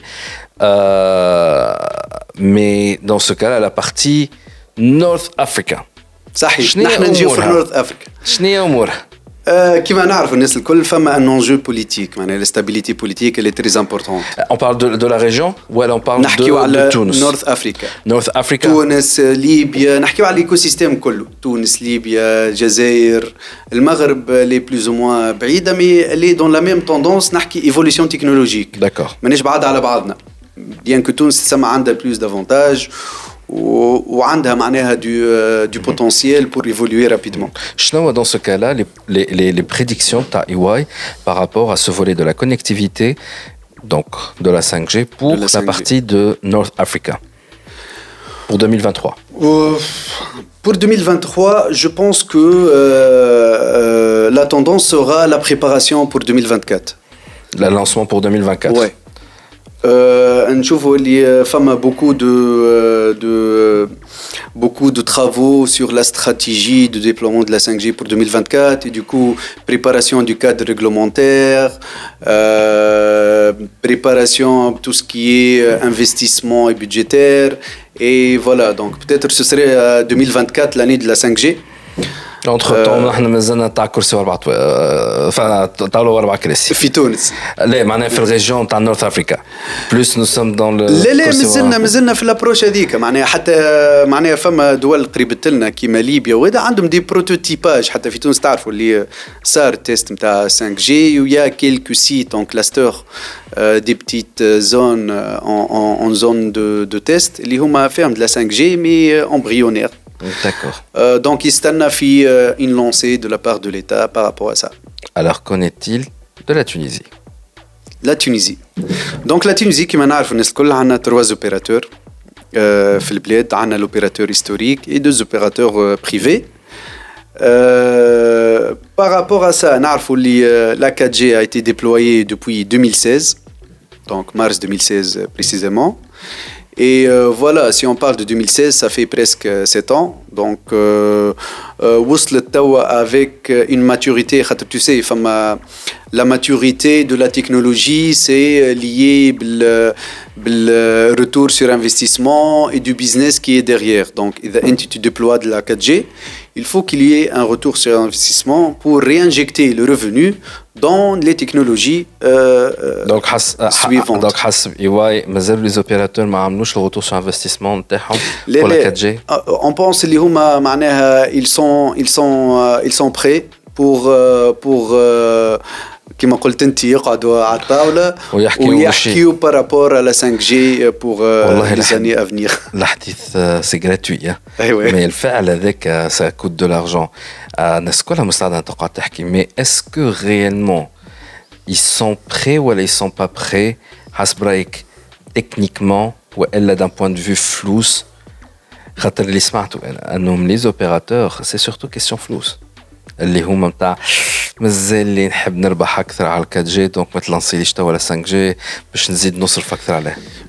هي راهي لابخوش هذه معناها اللي تري معناها سطحيه برشا معناها اللي با بروفوند كيفاش؟ نقولوا علاش خاطر انت اون فوا tu vas lancer la 5G tu vas pas migrer tout le parc كيما وقت لانسي la 4G ما- معناها مش العباد الكل ils ont migré sur la 4G il y a tout un écosystème qui a été préparé ما ننساوش اللي آه، المويان d'accès c'est le device c'est le handset تليفون باش باش ندخل على 5G التليفون اللي لازم يسيبورتي 5G et du coup il y a des initiatives pour apporter des devices اللي السوق نتاعهم abordables et qui supportent la 5G آه، تنجموا تكونوا لاحظتوا آه، آه، معناها سور كيلكو موديل دو هواوي دو تشاومي دو اوبو آه، الايفون معناها هذاك آه، بطبيعته اي دونك سا سي ان فولي اللي هو الديفايس اللي باش يسمح لك آه، من بعد فما دي زاني بور لامورتيسمون دو لانتروداكسيون دو لا 5 جي خاطر في 5 جي نحكيو على دي بي معناها تولي تحكي آه، على دي بي نتاع 1 جيجا و 2 جيجا و 3 جيجا ما عادش نحكيو ب 50 ميجا و- هذيك الكلها تولي سي ان اوتر فولي دونك انا جو بونس اللي لونجو لو كبير ماهوش الانفستيسمون في حد ذاته كهو فما انجو اخر اللي هي البوفوار داشا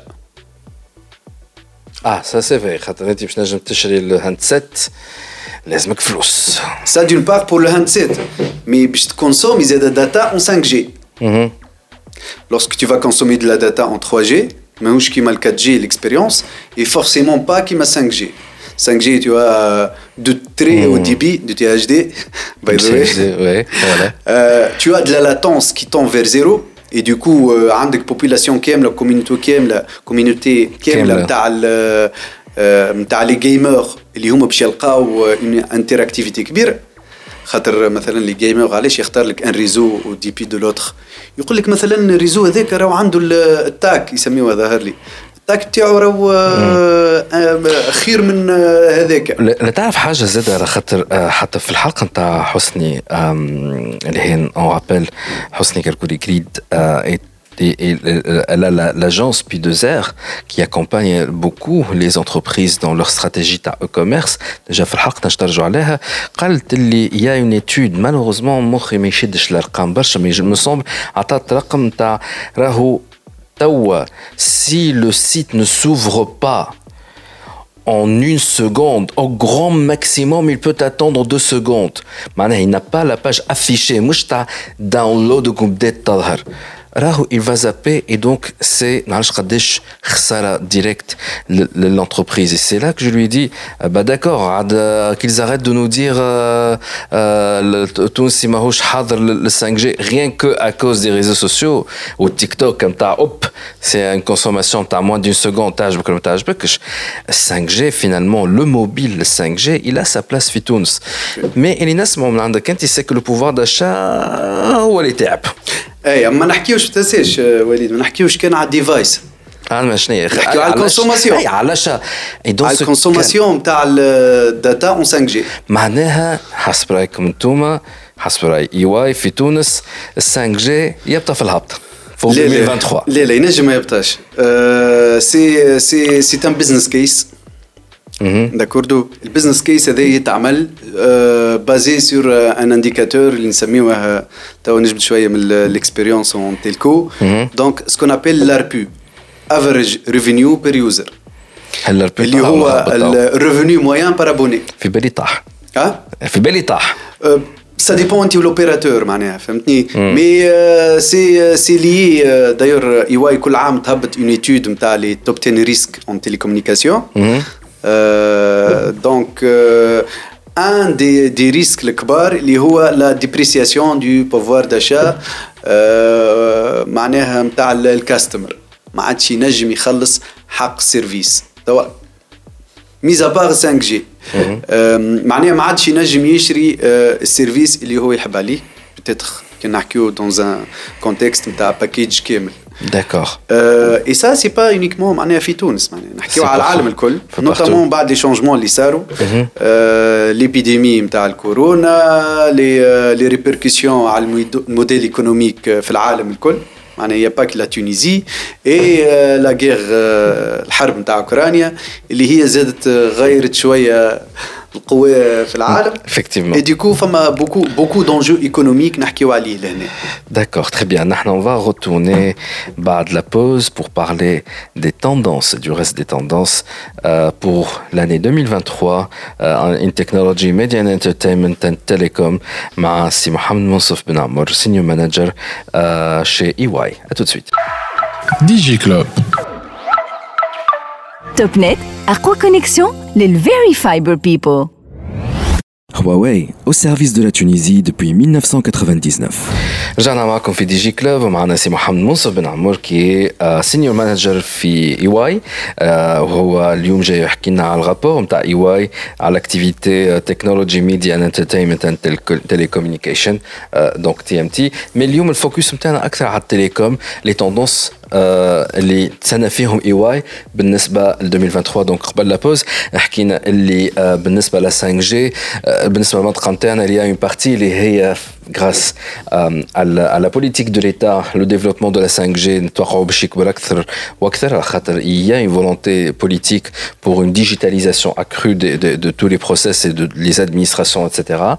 بالنسبة للريجون تاعنا فما أكبر مشكلة تعرض لها هي ريجون تاعنا نقصد la partie الأخرى نتاع نور أفريك سي la volonté politique disons ما نقولش n'y est pas trop mais قاعد تاخذ en considération le pouvoir d'achat اللي هو طايح برشا et surtout شنو هما les besoins les plus urgents et donc c'est ce qui fait اللي on s'attend في الرابور هذايا نتاع اي واي انه 2023 وي الناس باش تقعد مع بعضها ومع بعضها باش تحاول انها ديفلوبي اكثر comment va être la 5G et se, bien se préparer mais probablement ça va être en 2024 le lancement et notamment pour le cas de la Tunisie ولكن شنو هي les autres tendances اللي اي واي تتوقعهم خلينا نركزوا اكثر ماذا على تونس بالنسبه لاني 2023 بعد اللي حكينا فيه هذا كل شنو اللي بعد D'accord. Donc, euh, ce qu'on ce qu'on ce qu'on est en train de percevoir, c'est que les opérateurs, ils vont continuer à investir dans la 4G. Ça d'une part. Donc, تو نجيو نحكيو عليها وفما ان اوتر فولي اللي هو لو فيكس لو فامو فيكس لو فيكس الكلاسيك نتاع الف- دو الفيكس. كويفر ولا فوالا. الفيبر اوبتيك ف- فما الف- الكويفر افكتيفمون يعطيك صحه وليد فما الكويفر وفما الفيبر اوبتيك كيما تعرفوا الناس الكل الفيبر اوبتيك سي نيتمون ميو يا ان ميور دي بي نجم تدخل حتى دي دي بي كبار اي اوسي لا كاليتي اي لا ستابيليتي دو لا كونيكسيون لكن الفيبر هي بيدا زاد عندها كيلكو كيلكو تشالنج وكيلكو زونجو اللي هو كي كي ليس سو سيرفيس ان بو ان بو فريني داكوغ دونك فوالا دونك نحكيو فما لي توندونس اللي هما الفيبر اللي هما نسميوها الاف تي تي هاش لو سيرفيس فيبر على دوموند اللي هو الاف تي تي هاش فيبر تو ذا To the هوم home. اللي هو لا كونيكتيفيتي de bout en فيكس bout en, fi- euh, en fibre optique Voilà, pour tout ce qui est euh, euh, public.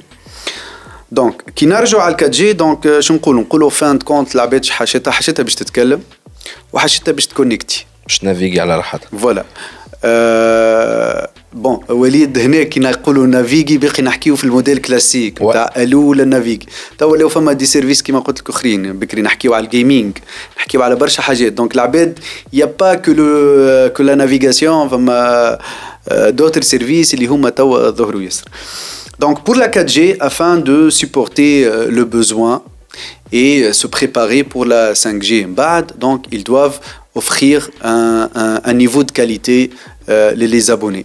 Euh, le 4G بدات صغيرة ومن بعد euh, كبرت et le besoin des abonnés a changé Et du coup, euh, تعرفوا اللي مع l'épidémie de la corona, العباد الكل شادين الدار.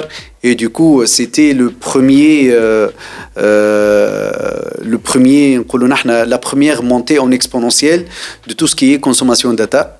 وظهر beaucoup de services اخرين.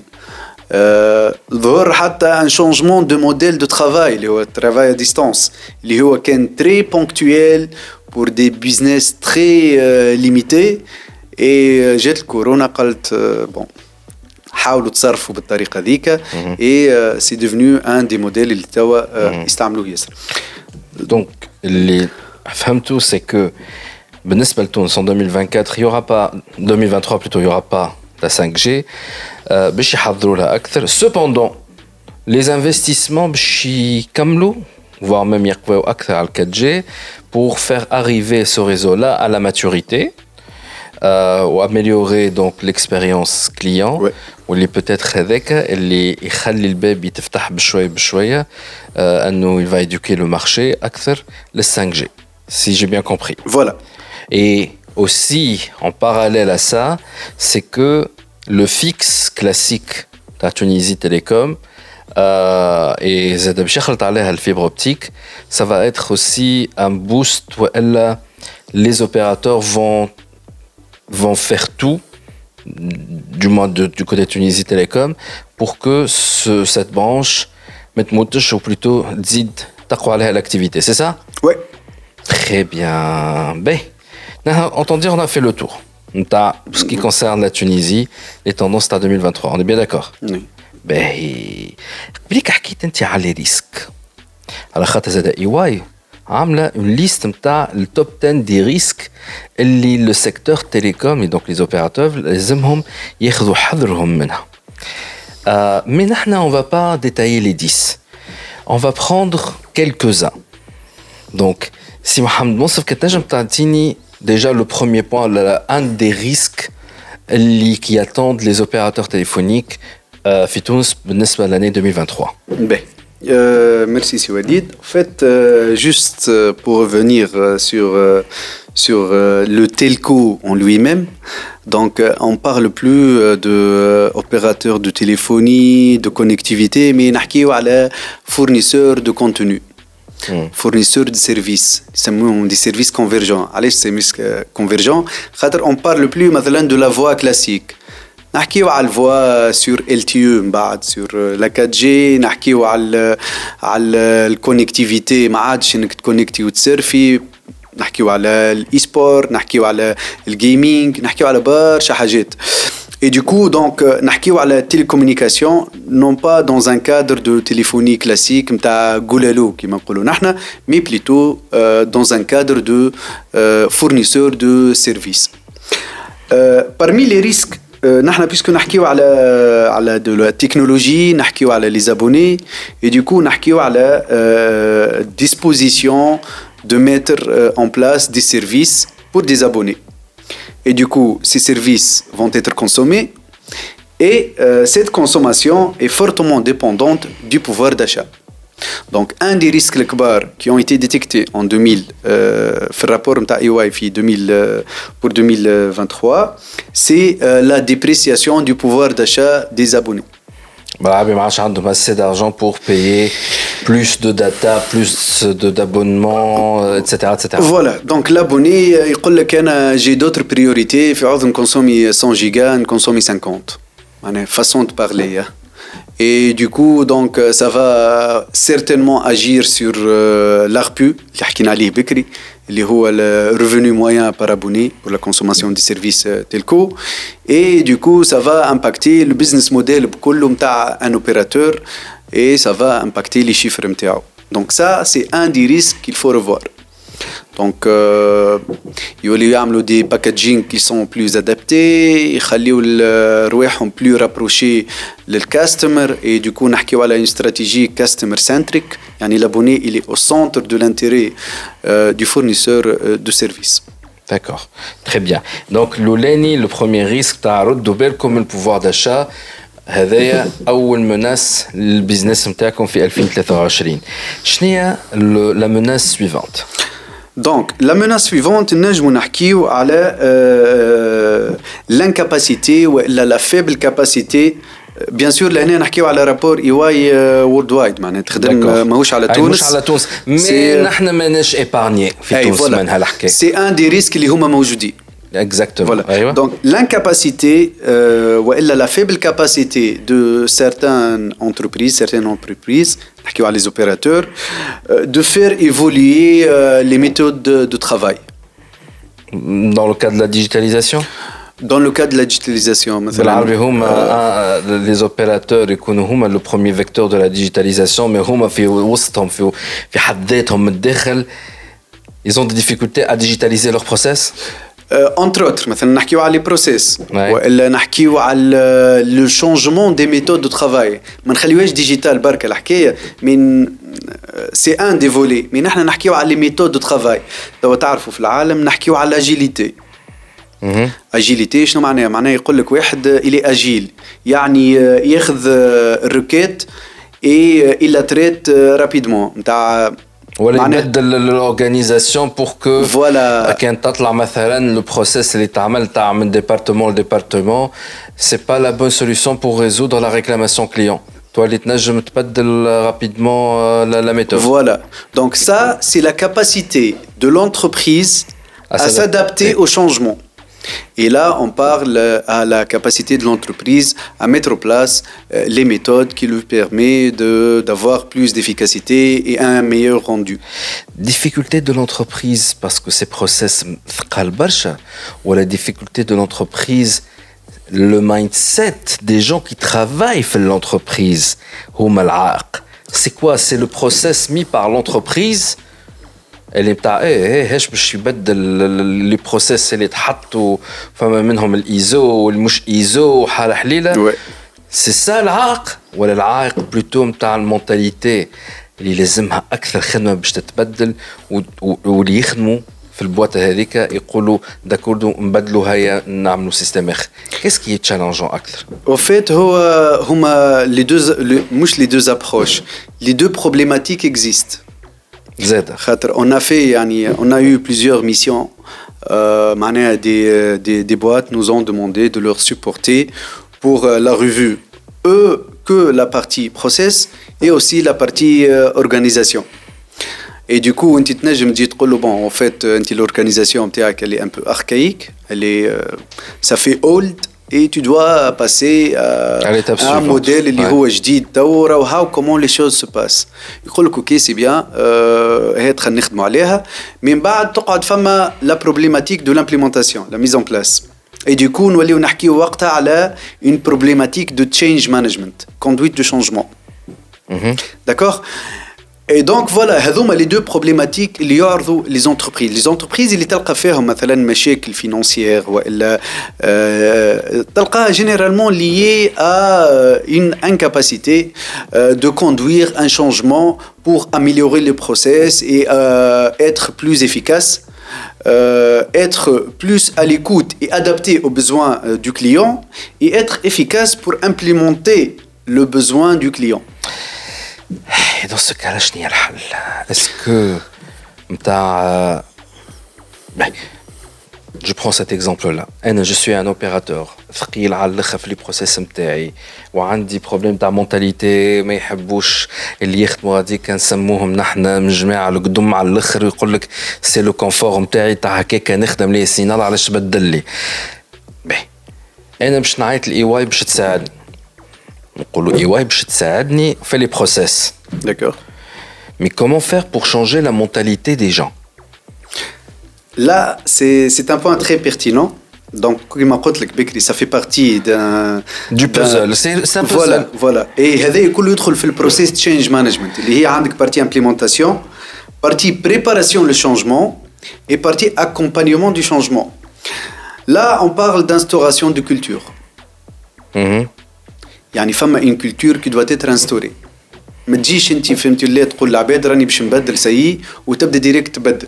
لا ناتور ايمان هي تمشي كونتر لو شونجمون اساسي معروف هذا. الإنسان ما يحبش تبديل ياسر ماذا بيه؟ معناها لازم نأكد على حاجة. فما بعض الناس والبنك هي الأغلبية ما تحبش التبديل. لكن فما أقلية اللي هما نتاع يحبوا التبديل يحبوا الحاجة جديدة. اي مالوغوزمون لا ريزيستانس دي زوتر فاس شونجمون يخلينا نضيعوا كلنا برشا وقت على خاطر في حلقه اخرى سابقه للحلقه اللي انت فيها توا حكينا مع لا ديريكتور جينيرال دو لا ان اف وجبدنا على موضوع اللي في لي تخوا ديرنيير زاني ولات توا مشكله نتاع كاريمون في العامين الاخرانيين توا لو تليفون il peut se connecter l'antenne relais qui il peut se connecter maintenant au satellite à la fois et donc en termes de législation en termes de réglementation, en termes qui, euh, chaque pays qui fait, il va euh, contrôler tout ça. C'est devenu challengeant où ça n'arrête pas d'avancer à un point les dur. Et du coup, euh, la question qui se pose, le, le, le changement dans chez un opérateur, les avant tout le changement ta service RH les, les avant RH, même les process, avant même la technique, avant même le DSI. لا والله les RH c'est c'est un des des des acteurs معناها في الحكايه سي با l'acteur de base الحكايه الكل هي حكايه سي على باش نبدا واضحين les opérateurs lorsqu'on parle d'un opérateur on parle de de business en fin de compte c'est pas c'est pas quelqu'un qui fait de bénévolat معناها c'est pas une boîte de bénévolat donc عنده des chiffres عنده de la performance financière اللي هو il doit assurer il y a du revenu, il y a tout ça. Et pour assurer ça, il ne suffit pas de vendre. Et il ne suffit pas de, euh, de, de, créer des, euh, des, produits marketing euh, qui sont adaptés. C'est tout un écosystème. Le telco, c'est le secteur le plus diversifié. Un opérateur, presque تلقى فيه كل شيء. تلقى فيه les activités نسميهم le cœur du métier, le marketing ou le vente. سيلز معناها نلقاو فيه دو براندينغ نلقاو فيه دو دو لا كومونيكاسيون نلقاو فيه دو لا تكنولوجي كو سوا لو ريزو والا لاي تي نلقاو فيه لي زاكتيفيتي دو سيبور كو سوا لو اتش ار والا الفينانس والا الليغل والا لي زاكتيفيتي والا استراتيجي وغيره Et du coup, euh, si on veut changer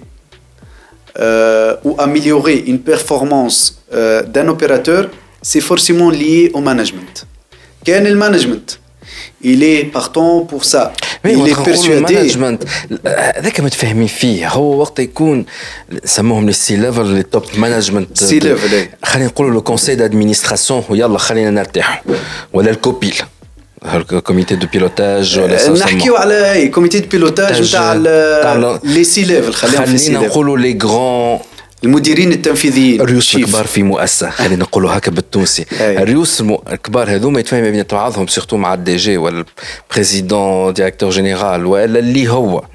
فهمني؟ هذاك ما ثماش فيه شك. ما ثماش فيه شك ولكن قبل ما نخلطوا للتبديل في او نيفو دو دي اس اي مدخل ان ار بي جديد جديد نامبورت كوا وان بلوس باش تبدل انا سؤالي دابخي ليكسبيريونس نتاعك Qu'est-ce qui fait réussir ou elle a fait capoter toute la stratégie de digitalisation أنا ملي قعدت نسمع فيه واللي واللي شفته بالاكسبيريونس نتاعي جي كوم لامبرسيون لو بلو كريتيك سي لو سيرفيس ار اش معناها قبل ما نحكيو بعد ما السي ليفل اللي يبرون لا ديسيزيون سي لو سيرفيس ار اش ولا انا غلط انت عاد تعرف اكثر مني خدمت معناها في الدومين اكثر مني السيرفيس ار اش سي سي ان اكومبانياتور Donc c'est pas lui qui fait لا. avancer à اذا capoter. فما هذايا نسميه انا تو بون نحكي بال بالاكسبرتيز نتاعي ان طونك بي ام او دونك بروجيكت مانجر بور Mhm. لمدة طويلة ياسر. لا غوفرنونس فما حاجة اسمها لا غوفرنونس Donc le C-level, encore ses responsabilités. إذا لا غوفرنونس اللي لا Mhm. لا استراتيجي اللي كلير لا فيزيون اللي كلير الديكلينيزون نتاعها من بعد في ال- الكوش امبلويي سا سي لانستوراسيون دو كولتور Mhm. الرابروشمون نتاع الواحد. وقت اللي تجيب الناس الكل باش يمشيو معاك في الفيزيون نتاعك كدي جي ولا كسي ليفل ولا كي هو تو ا في ان بروميير با اللي العباد يعرفوا de quoi il s'agit et du coup فما فاكتور كبير اللي هو اسمه l'ambiguïté le flou اتنحى خاطر العباد عارفين وين ماشيين Ça, c'est la première chose. من بعد, il faut emborder معناها تطلع العباد الكل معاك في سفينة نوح نقولوا نحن. وقت اللي تهز العباد معاك للافونتور هذيك et tu les fais participer, ils deviennent des acteurs في changement.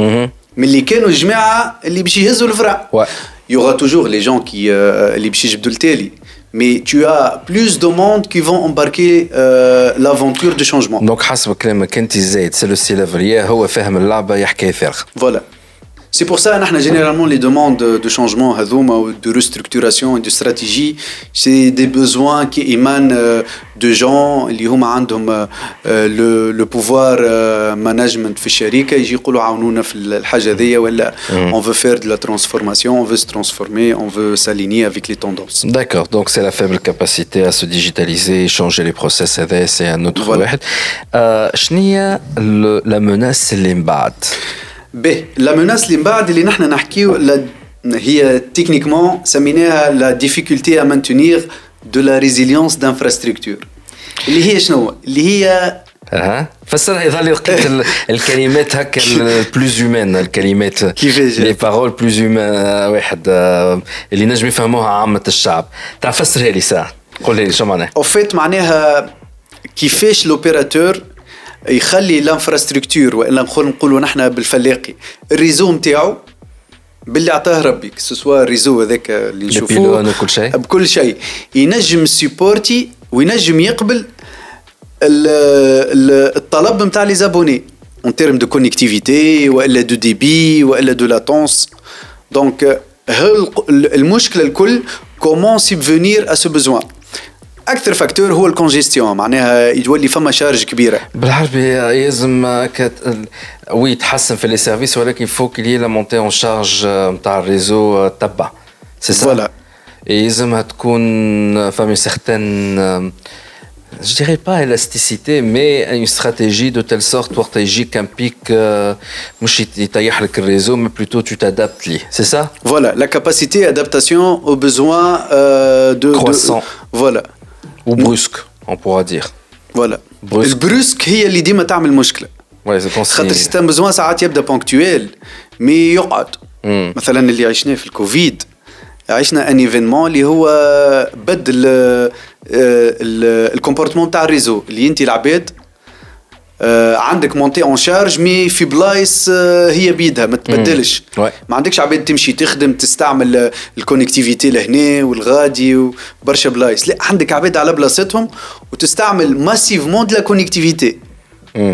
Et du coup, donc, هذاك سي ان دي زيكزرسيس اللي خلاو لي زوبيراتور يخدموا باش في ساعة آه، يطلعوا اون كاباسيتي et donner le, le, le rendu attendu euh, de qualité. Très bien, انت باش تقعد معنا مازلنا باش نكملوا معاك لي ديرنيير مناس خلينا نقولوا بالنسبه للسيكتور نتاع التليكوم pour 2023 هذاك كله بعد لا بوز on vient tout de suite ديجي كلوب توب نت أقوى كونيكسيون للفيري فايبر بيبل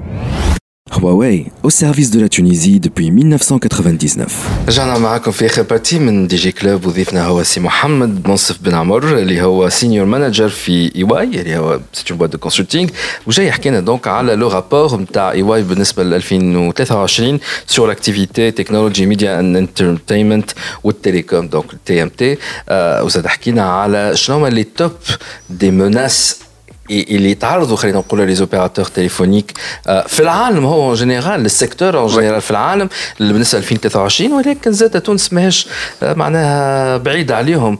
آه، دونك آه، حتى لو كان ما. عندناش لا 5 جي ولا مش تتلانسا توا سا اللي هما نفس المخاطر. آه، وآخر بوان حكينا فيه آه، واحد من المخاطر سي لا مونتي اون شارج دو ريزو يجي دان كو هكا آه، دان كو الناس كلها تحب تكونكتي اي دونك كان الريزو نتاعك آه، ما يعرفش يليفري ويكون اسي اجيل لو ريزو باش يجاوب هكا المونتي اون شارج هذيك وي. تنجم الريزو يا يتيح يا تصير فيها بان دي بان وتولي انساتيسفاكسيون كليون Mais quid du de, de, de la sécurité de plutôt de la sécurité خاطر بالعربي تقوم les connexions forcément il y a plus de menaces de sécurité et donc فما مشكلة نتاع آه، فما خوف خلينا نقولوا أنه. واحد يخترق يخترق أكثر ولا آه، وي سا اكزيست معناها موجود الحاجة هذيا موجود دونك هذا في البريديكسيون تاعكم في وي. المناس سي ان دي ريسك اللي هو لي ريسك سور لا سيكوريتي D'accord. Euh, le risque, c'est la sous-estimation de euh, tout ce qui est euh, des impératifs de risque et de confiance. Risque, tout ce qui est risque à la sécurité, c'est un opérateur, de la connectivité, donc femme de la vulnérabilité, les réseau en tant qu'opérateur, bien sûr.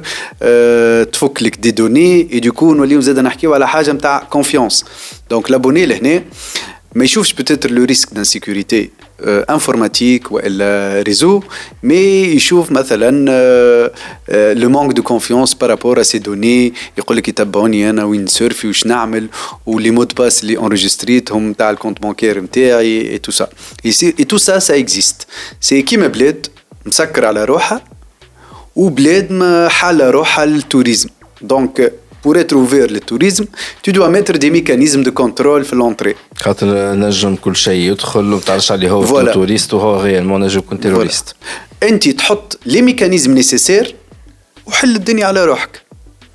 مي il faut mettre les mécanismes. Donc voilà. هذا آه، تفضل. دونك اللي حبيت نقوله سي كو لي زوبيراتور دونك يخموا على المونتي اون شارج تاع لو ريزو لكن يلزمهم يسكروا لو ماكسيموم تاع بيبان تاع لي بريش بلوتو مش بيبان نتاع لي بريش لي فاي اللي نجم يلقوهم اون كور دو دونك سو سون دو بروسيس باراليل ماشيين Oui. مع بعضهم il faut pas oublier l'un ou l'autre c'est ça Voilà. Très bien. Behi, c'est quoi le challenge suivant بالنسبة les, les menaces plutôt qui attendent euh, les opérateurs في 2000 و و 23 Euh, donc بعد كما sécurité. كنا نحكيو على السيكوريتي دونك جوست Pour les entreprises, est-ce que فما un challenge ولا ما ثماش برشا un challenge لا هو ال- كما كنا نحكيو C'est le service qu'offre, je veux dire, معناها l'opérateur, les entreprises. خاطر حكينا على البي تو سي mais qu'en est-il du B2B du B2B. Voilà. Donc, un des, des risques اللي هما موجودين euh, زاد euh, qui ont été détectés euh, Euh, suite le rapport de l'Amlet euh, sur le plan international, c'est euh, une faible capacité de créer de nouvelles activités ou de subvenir aux besoins des entreprises, ce qu'on appelle le B2B. Mhm. Donc, Intika opérateur, est-ce que tu serais dans le modèle classique? Tu m'offres la connexion au le voir ou salam alaikum. Voilà, ou là tu es en, mesure d'offrir des services green, ça même les ICT. Genre les sites, ça c'est ICT, les services ICT, le- tout ce qui est euh, lié aux nouvelles technologies, notamment مثلا تنجم تبيع du cloud pour une entreprise. ولا des solutions euh, نتاع مثلا facturation basée sur le cloud. Voilà. والا تو ولينا نحكيو على دي دي اكتيفيتي اخرين معناها آه، تبيع له آه، دي سيرفيس آه، آه، اللي هو يستعمل فيهم Mais sur le آه، cloud يردهم. مي فوالا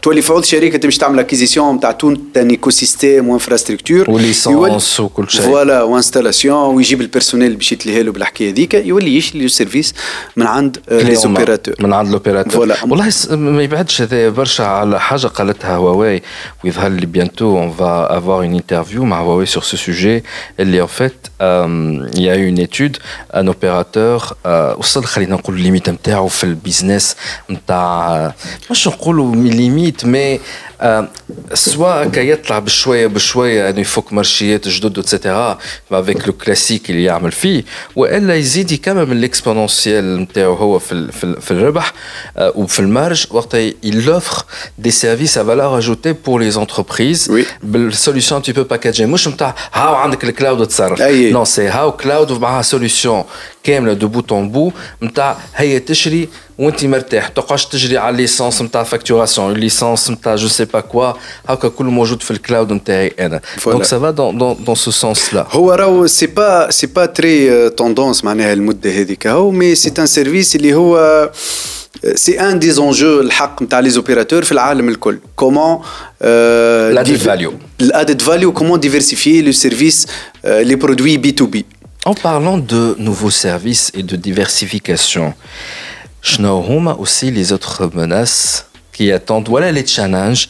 de les opérateurs euh, في 2023 euh, est-ce qu'il y en a encore هما مازالوا quelques quelques-uns les nouveaux business euh, innovants voilà donc la capacité les opérateurs à produire de nouveaux produits donc كنا نحكيو على البي تو بي le grand public, ce qu'on appelle le B2C, business to customer, euh, on fait partie.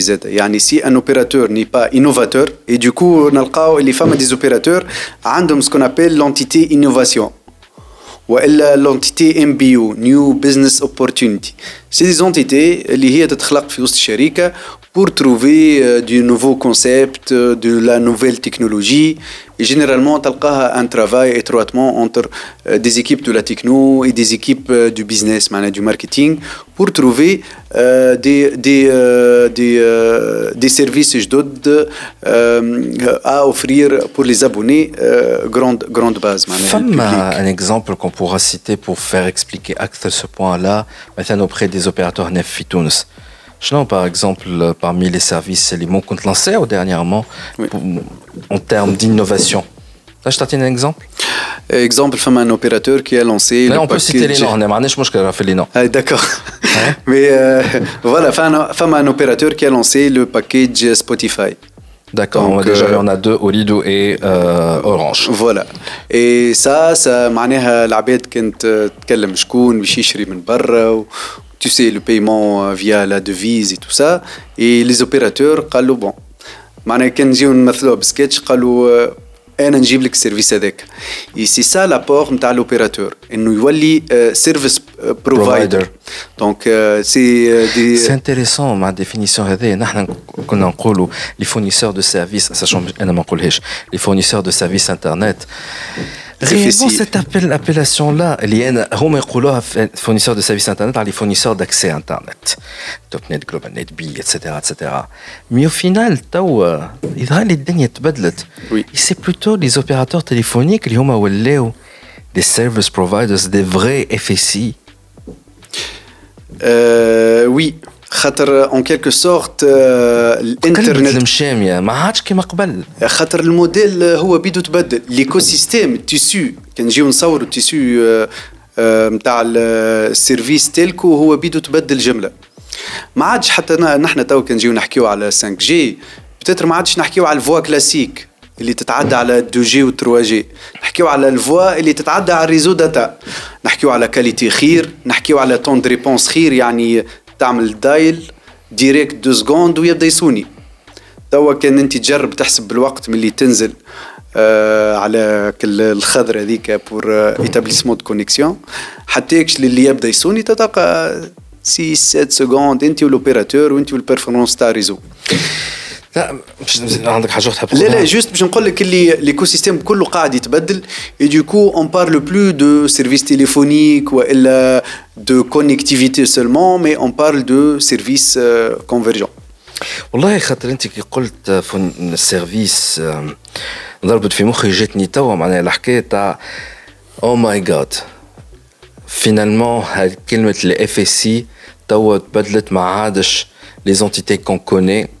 historiquement ou les opérateurs les canaux historiquement hum que la connexion ou les hum appelés à fournir du service et du coup قلت علاش سرحت هكا شويه لانكم تاع وشنو باش نعملوا في لي فورنيسور داكسي اسكو في إي واي فما اون ايتود تعملت على لي فورنيسور داكسي تونيزيان على خاطر سي ان كا سبيسيفيك أنا ديما نقولها الإنترنت التونسي مبني على رأس كلب. وتوا حتى واحد يصلحوا لتوا جوسكا مانون سي مالورو والله سي مالورو مي بوتيتر تنجم ما تجاوبنيش تنجم عندك حق ما تجاوبنيش. مي سكيل يا اون ايتود على لي فورنيسور داكسي وحدهم في تونس؟ كيما قلت لك هو اوفيت المشكل في تونس. مع لي زيفيسي موجودين في الدول الأخرى باش نبدأو واضحين.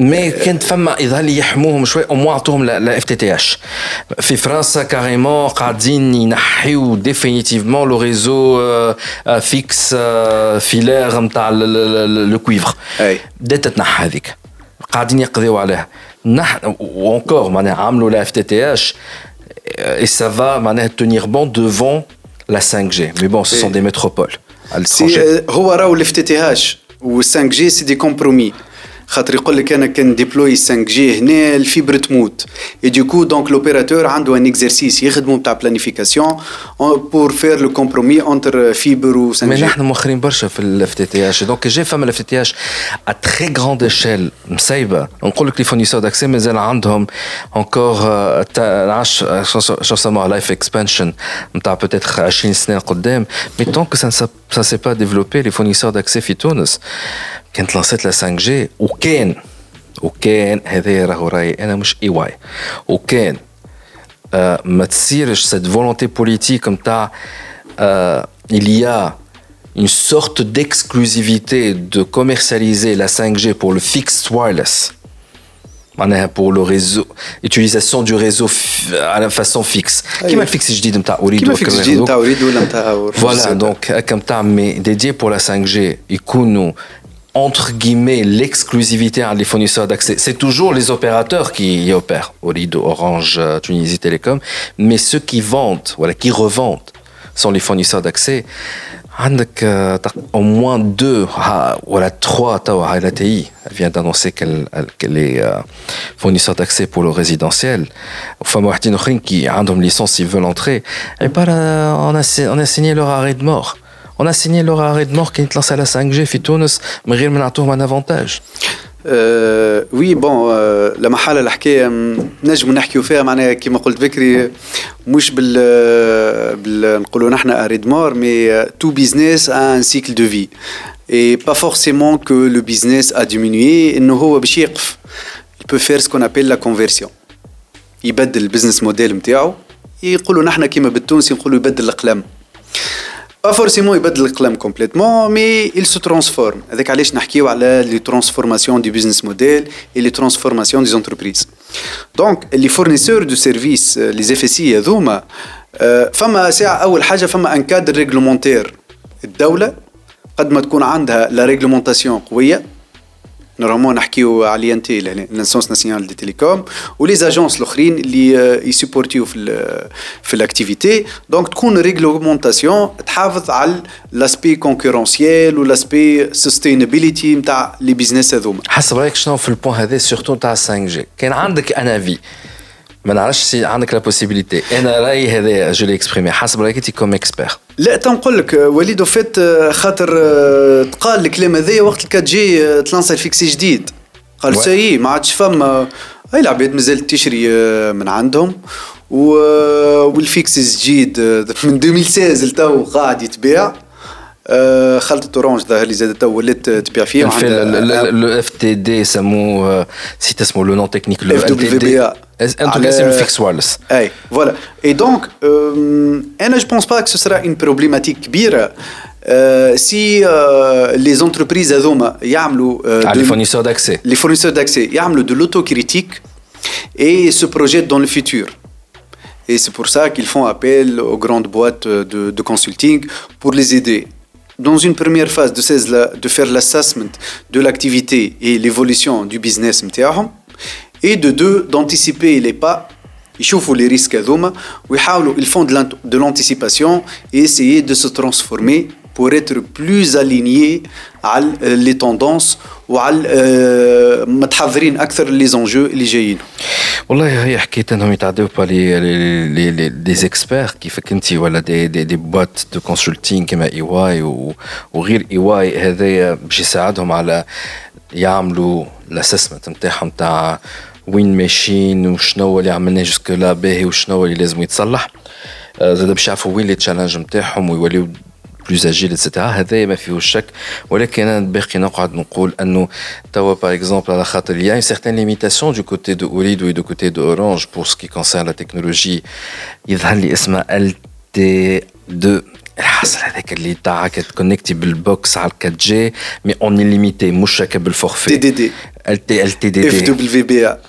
حاجة دون سو سونس فيكسد وايرلس برود باند ساعات نولي اي لا لا سي دي تيرم تكنيك عندك الحق. مخي لا لازمني نحفظهم. يعني ما نشدش على غالب. آه لولا أنه ليا اون ليميتاسيون عند لي دو زوبيراتور هذوما في الكوتي هذاك قد يخلطوا rapidement saturation et by the way opérateur كيما اريدو وين تخلط une zone فيها برشا déconnecté بالسيستم هذاك automatiquement ce sont des clients potentiels de la fibre optique يكلموهم est-ce que vous voulez vous engager pour 24 mois d'après en tout cas un ami اللي هو il avait ça كلموه le secteur كامل ils l'ont fibré بالFTTH et c'est comme ça ils ouvrent de nouveaux marchés pour le fixe اريدو et là je me pose la question les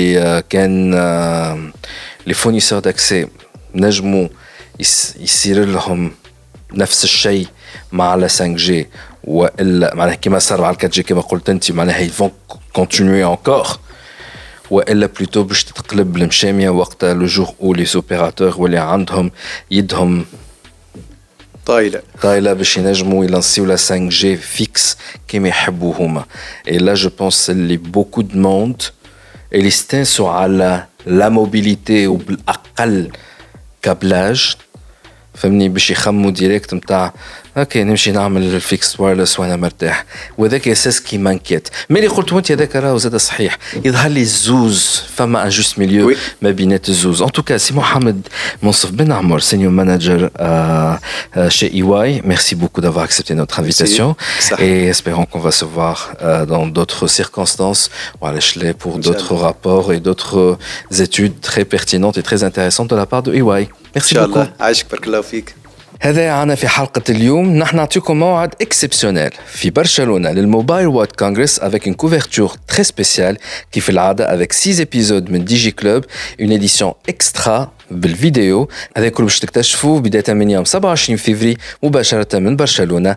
استنونا. دي جي كلوب وفات اليوم. نجموا تعودوا تسمعونا على ساوند كلاود اي تيونز جوجل بودكاست وأنغامي. برعاية توب نت أقوى كونيكسيون les Very Fiber People.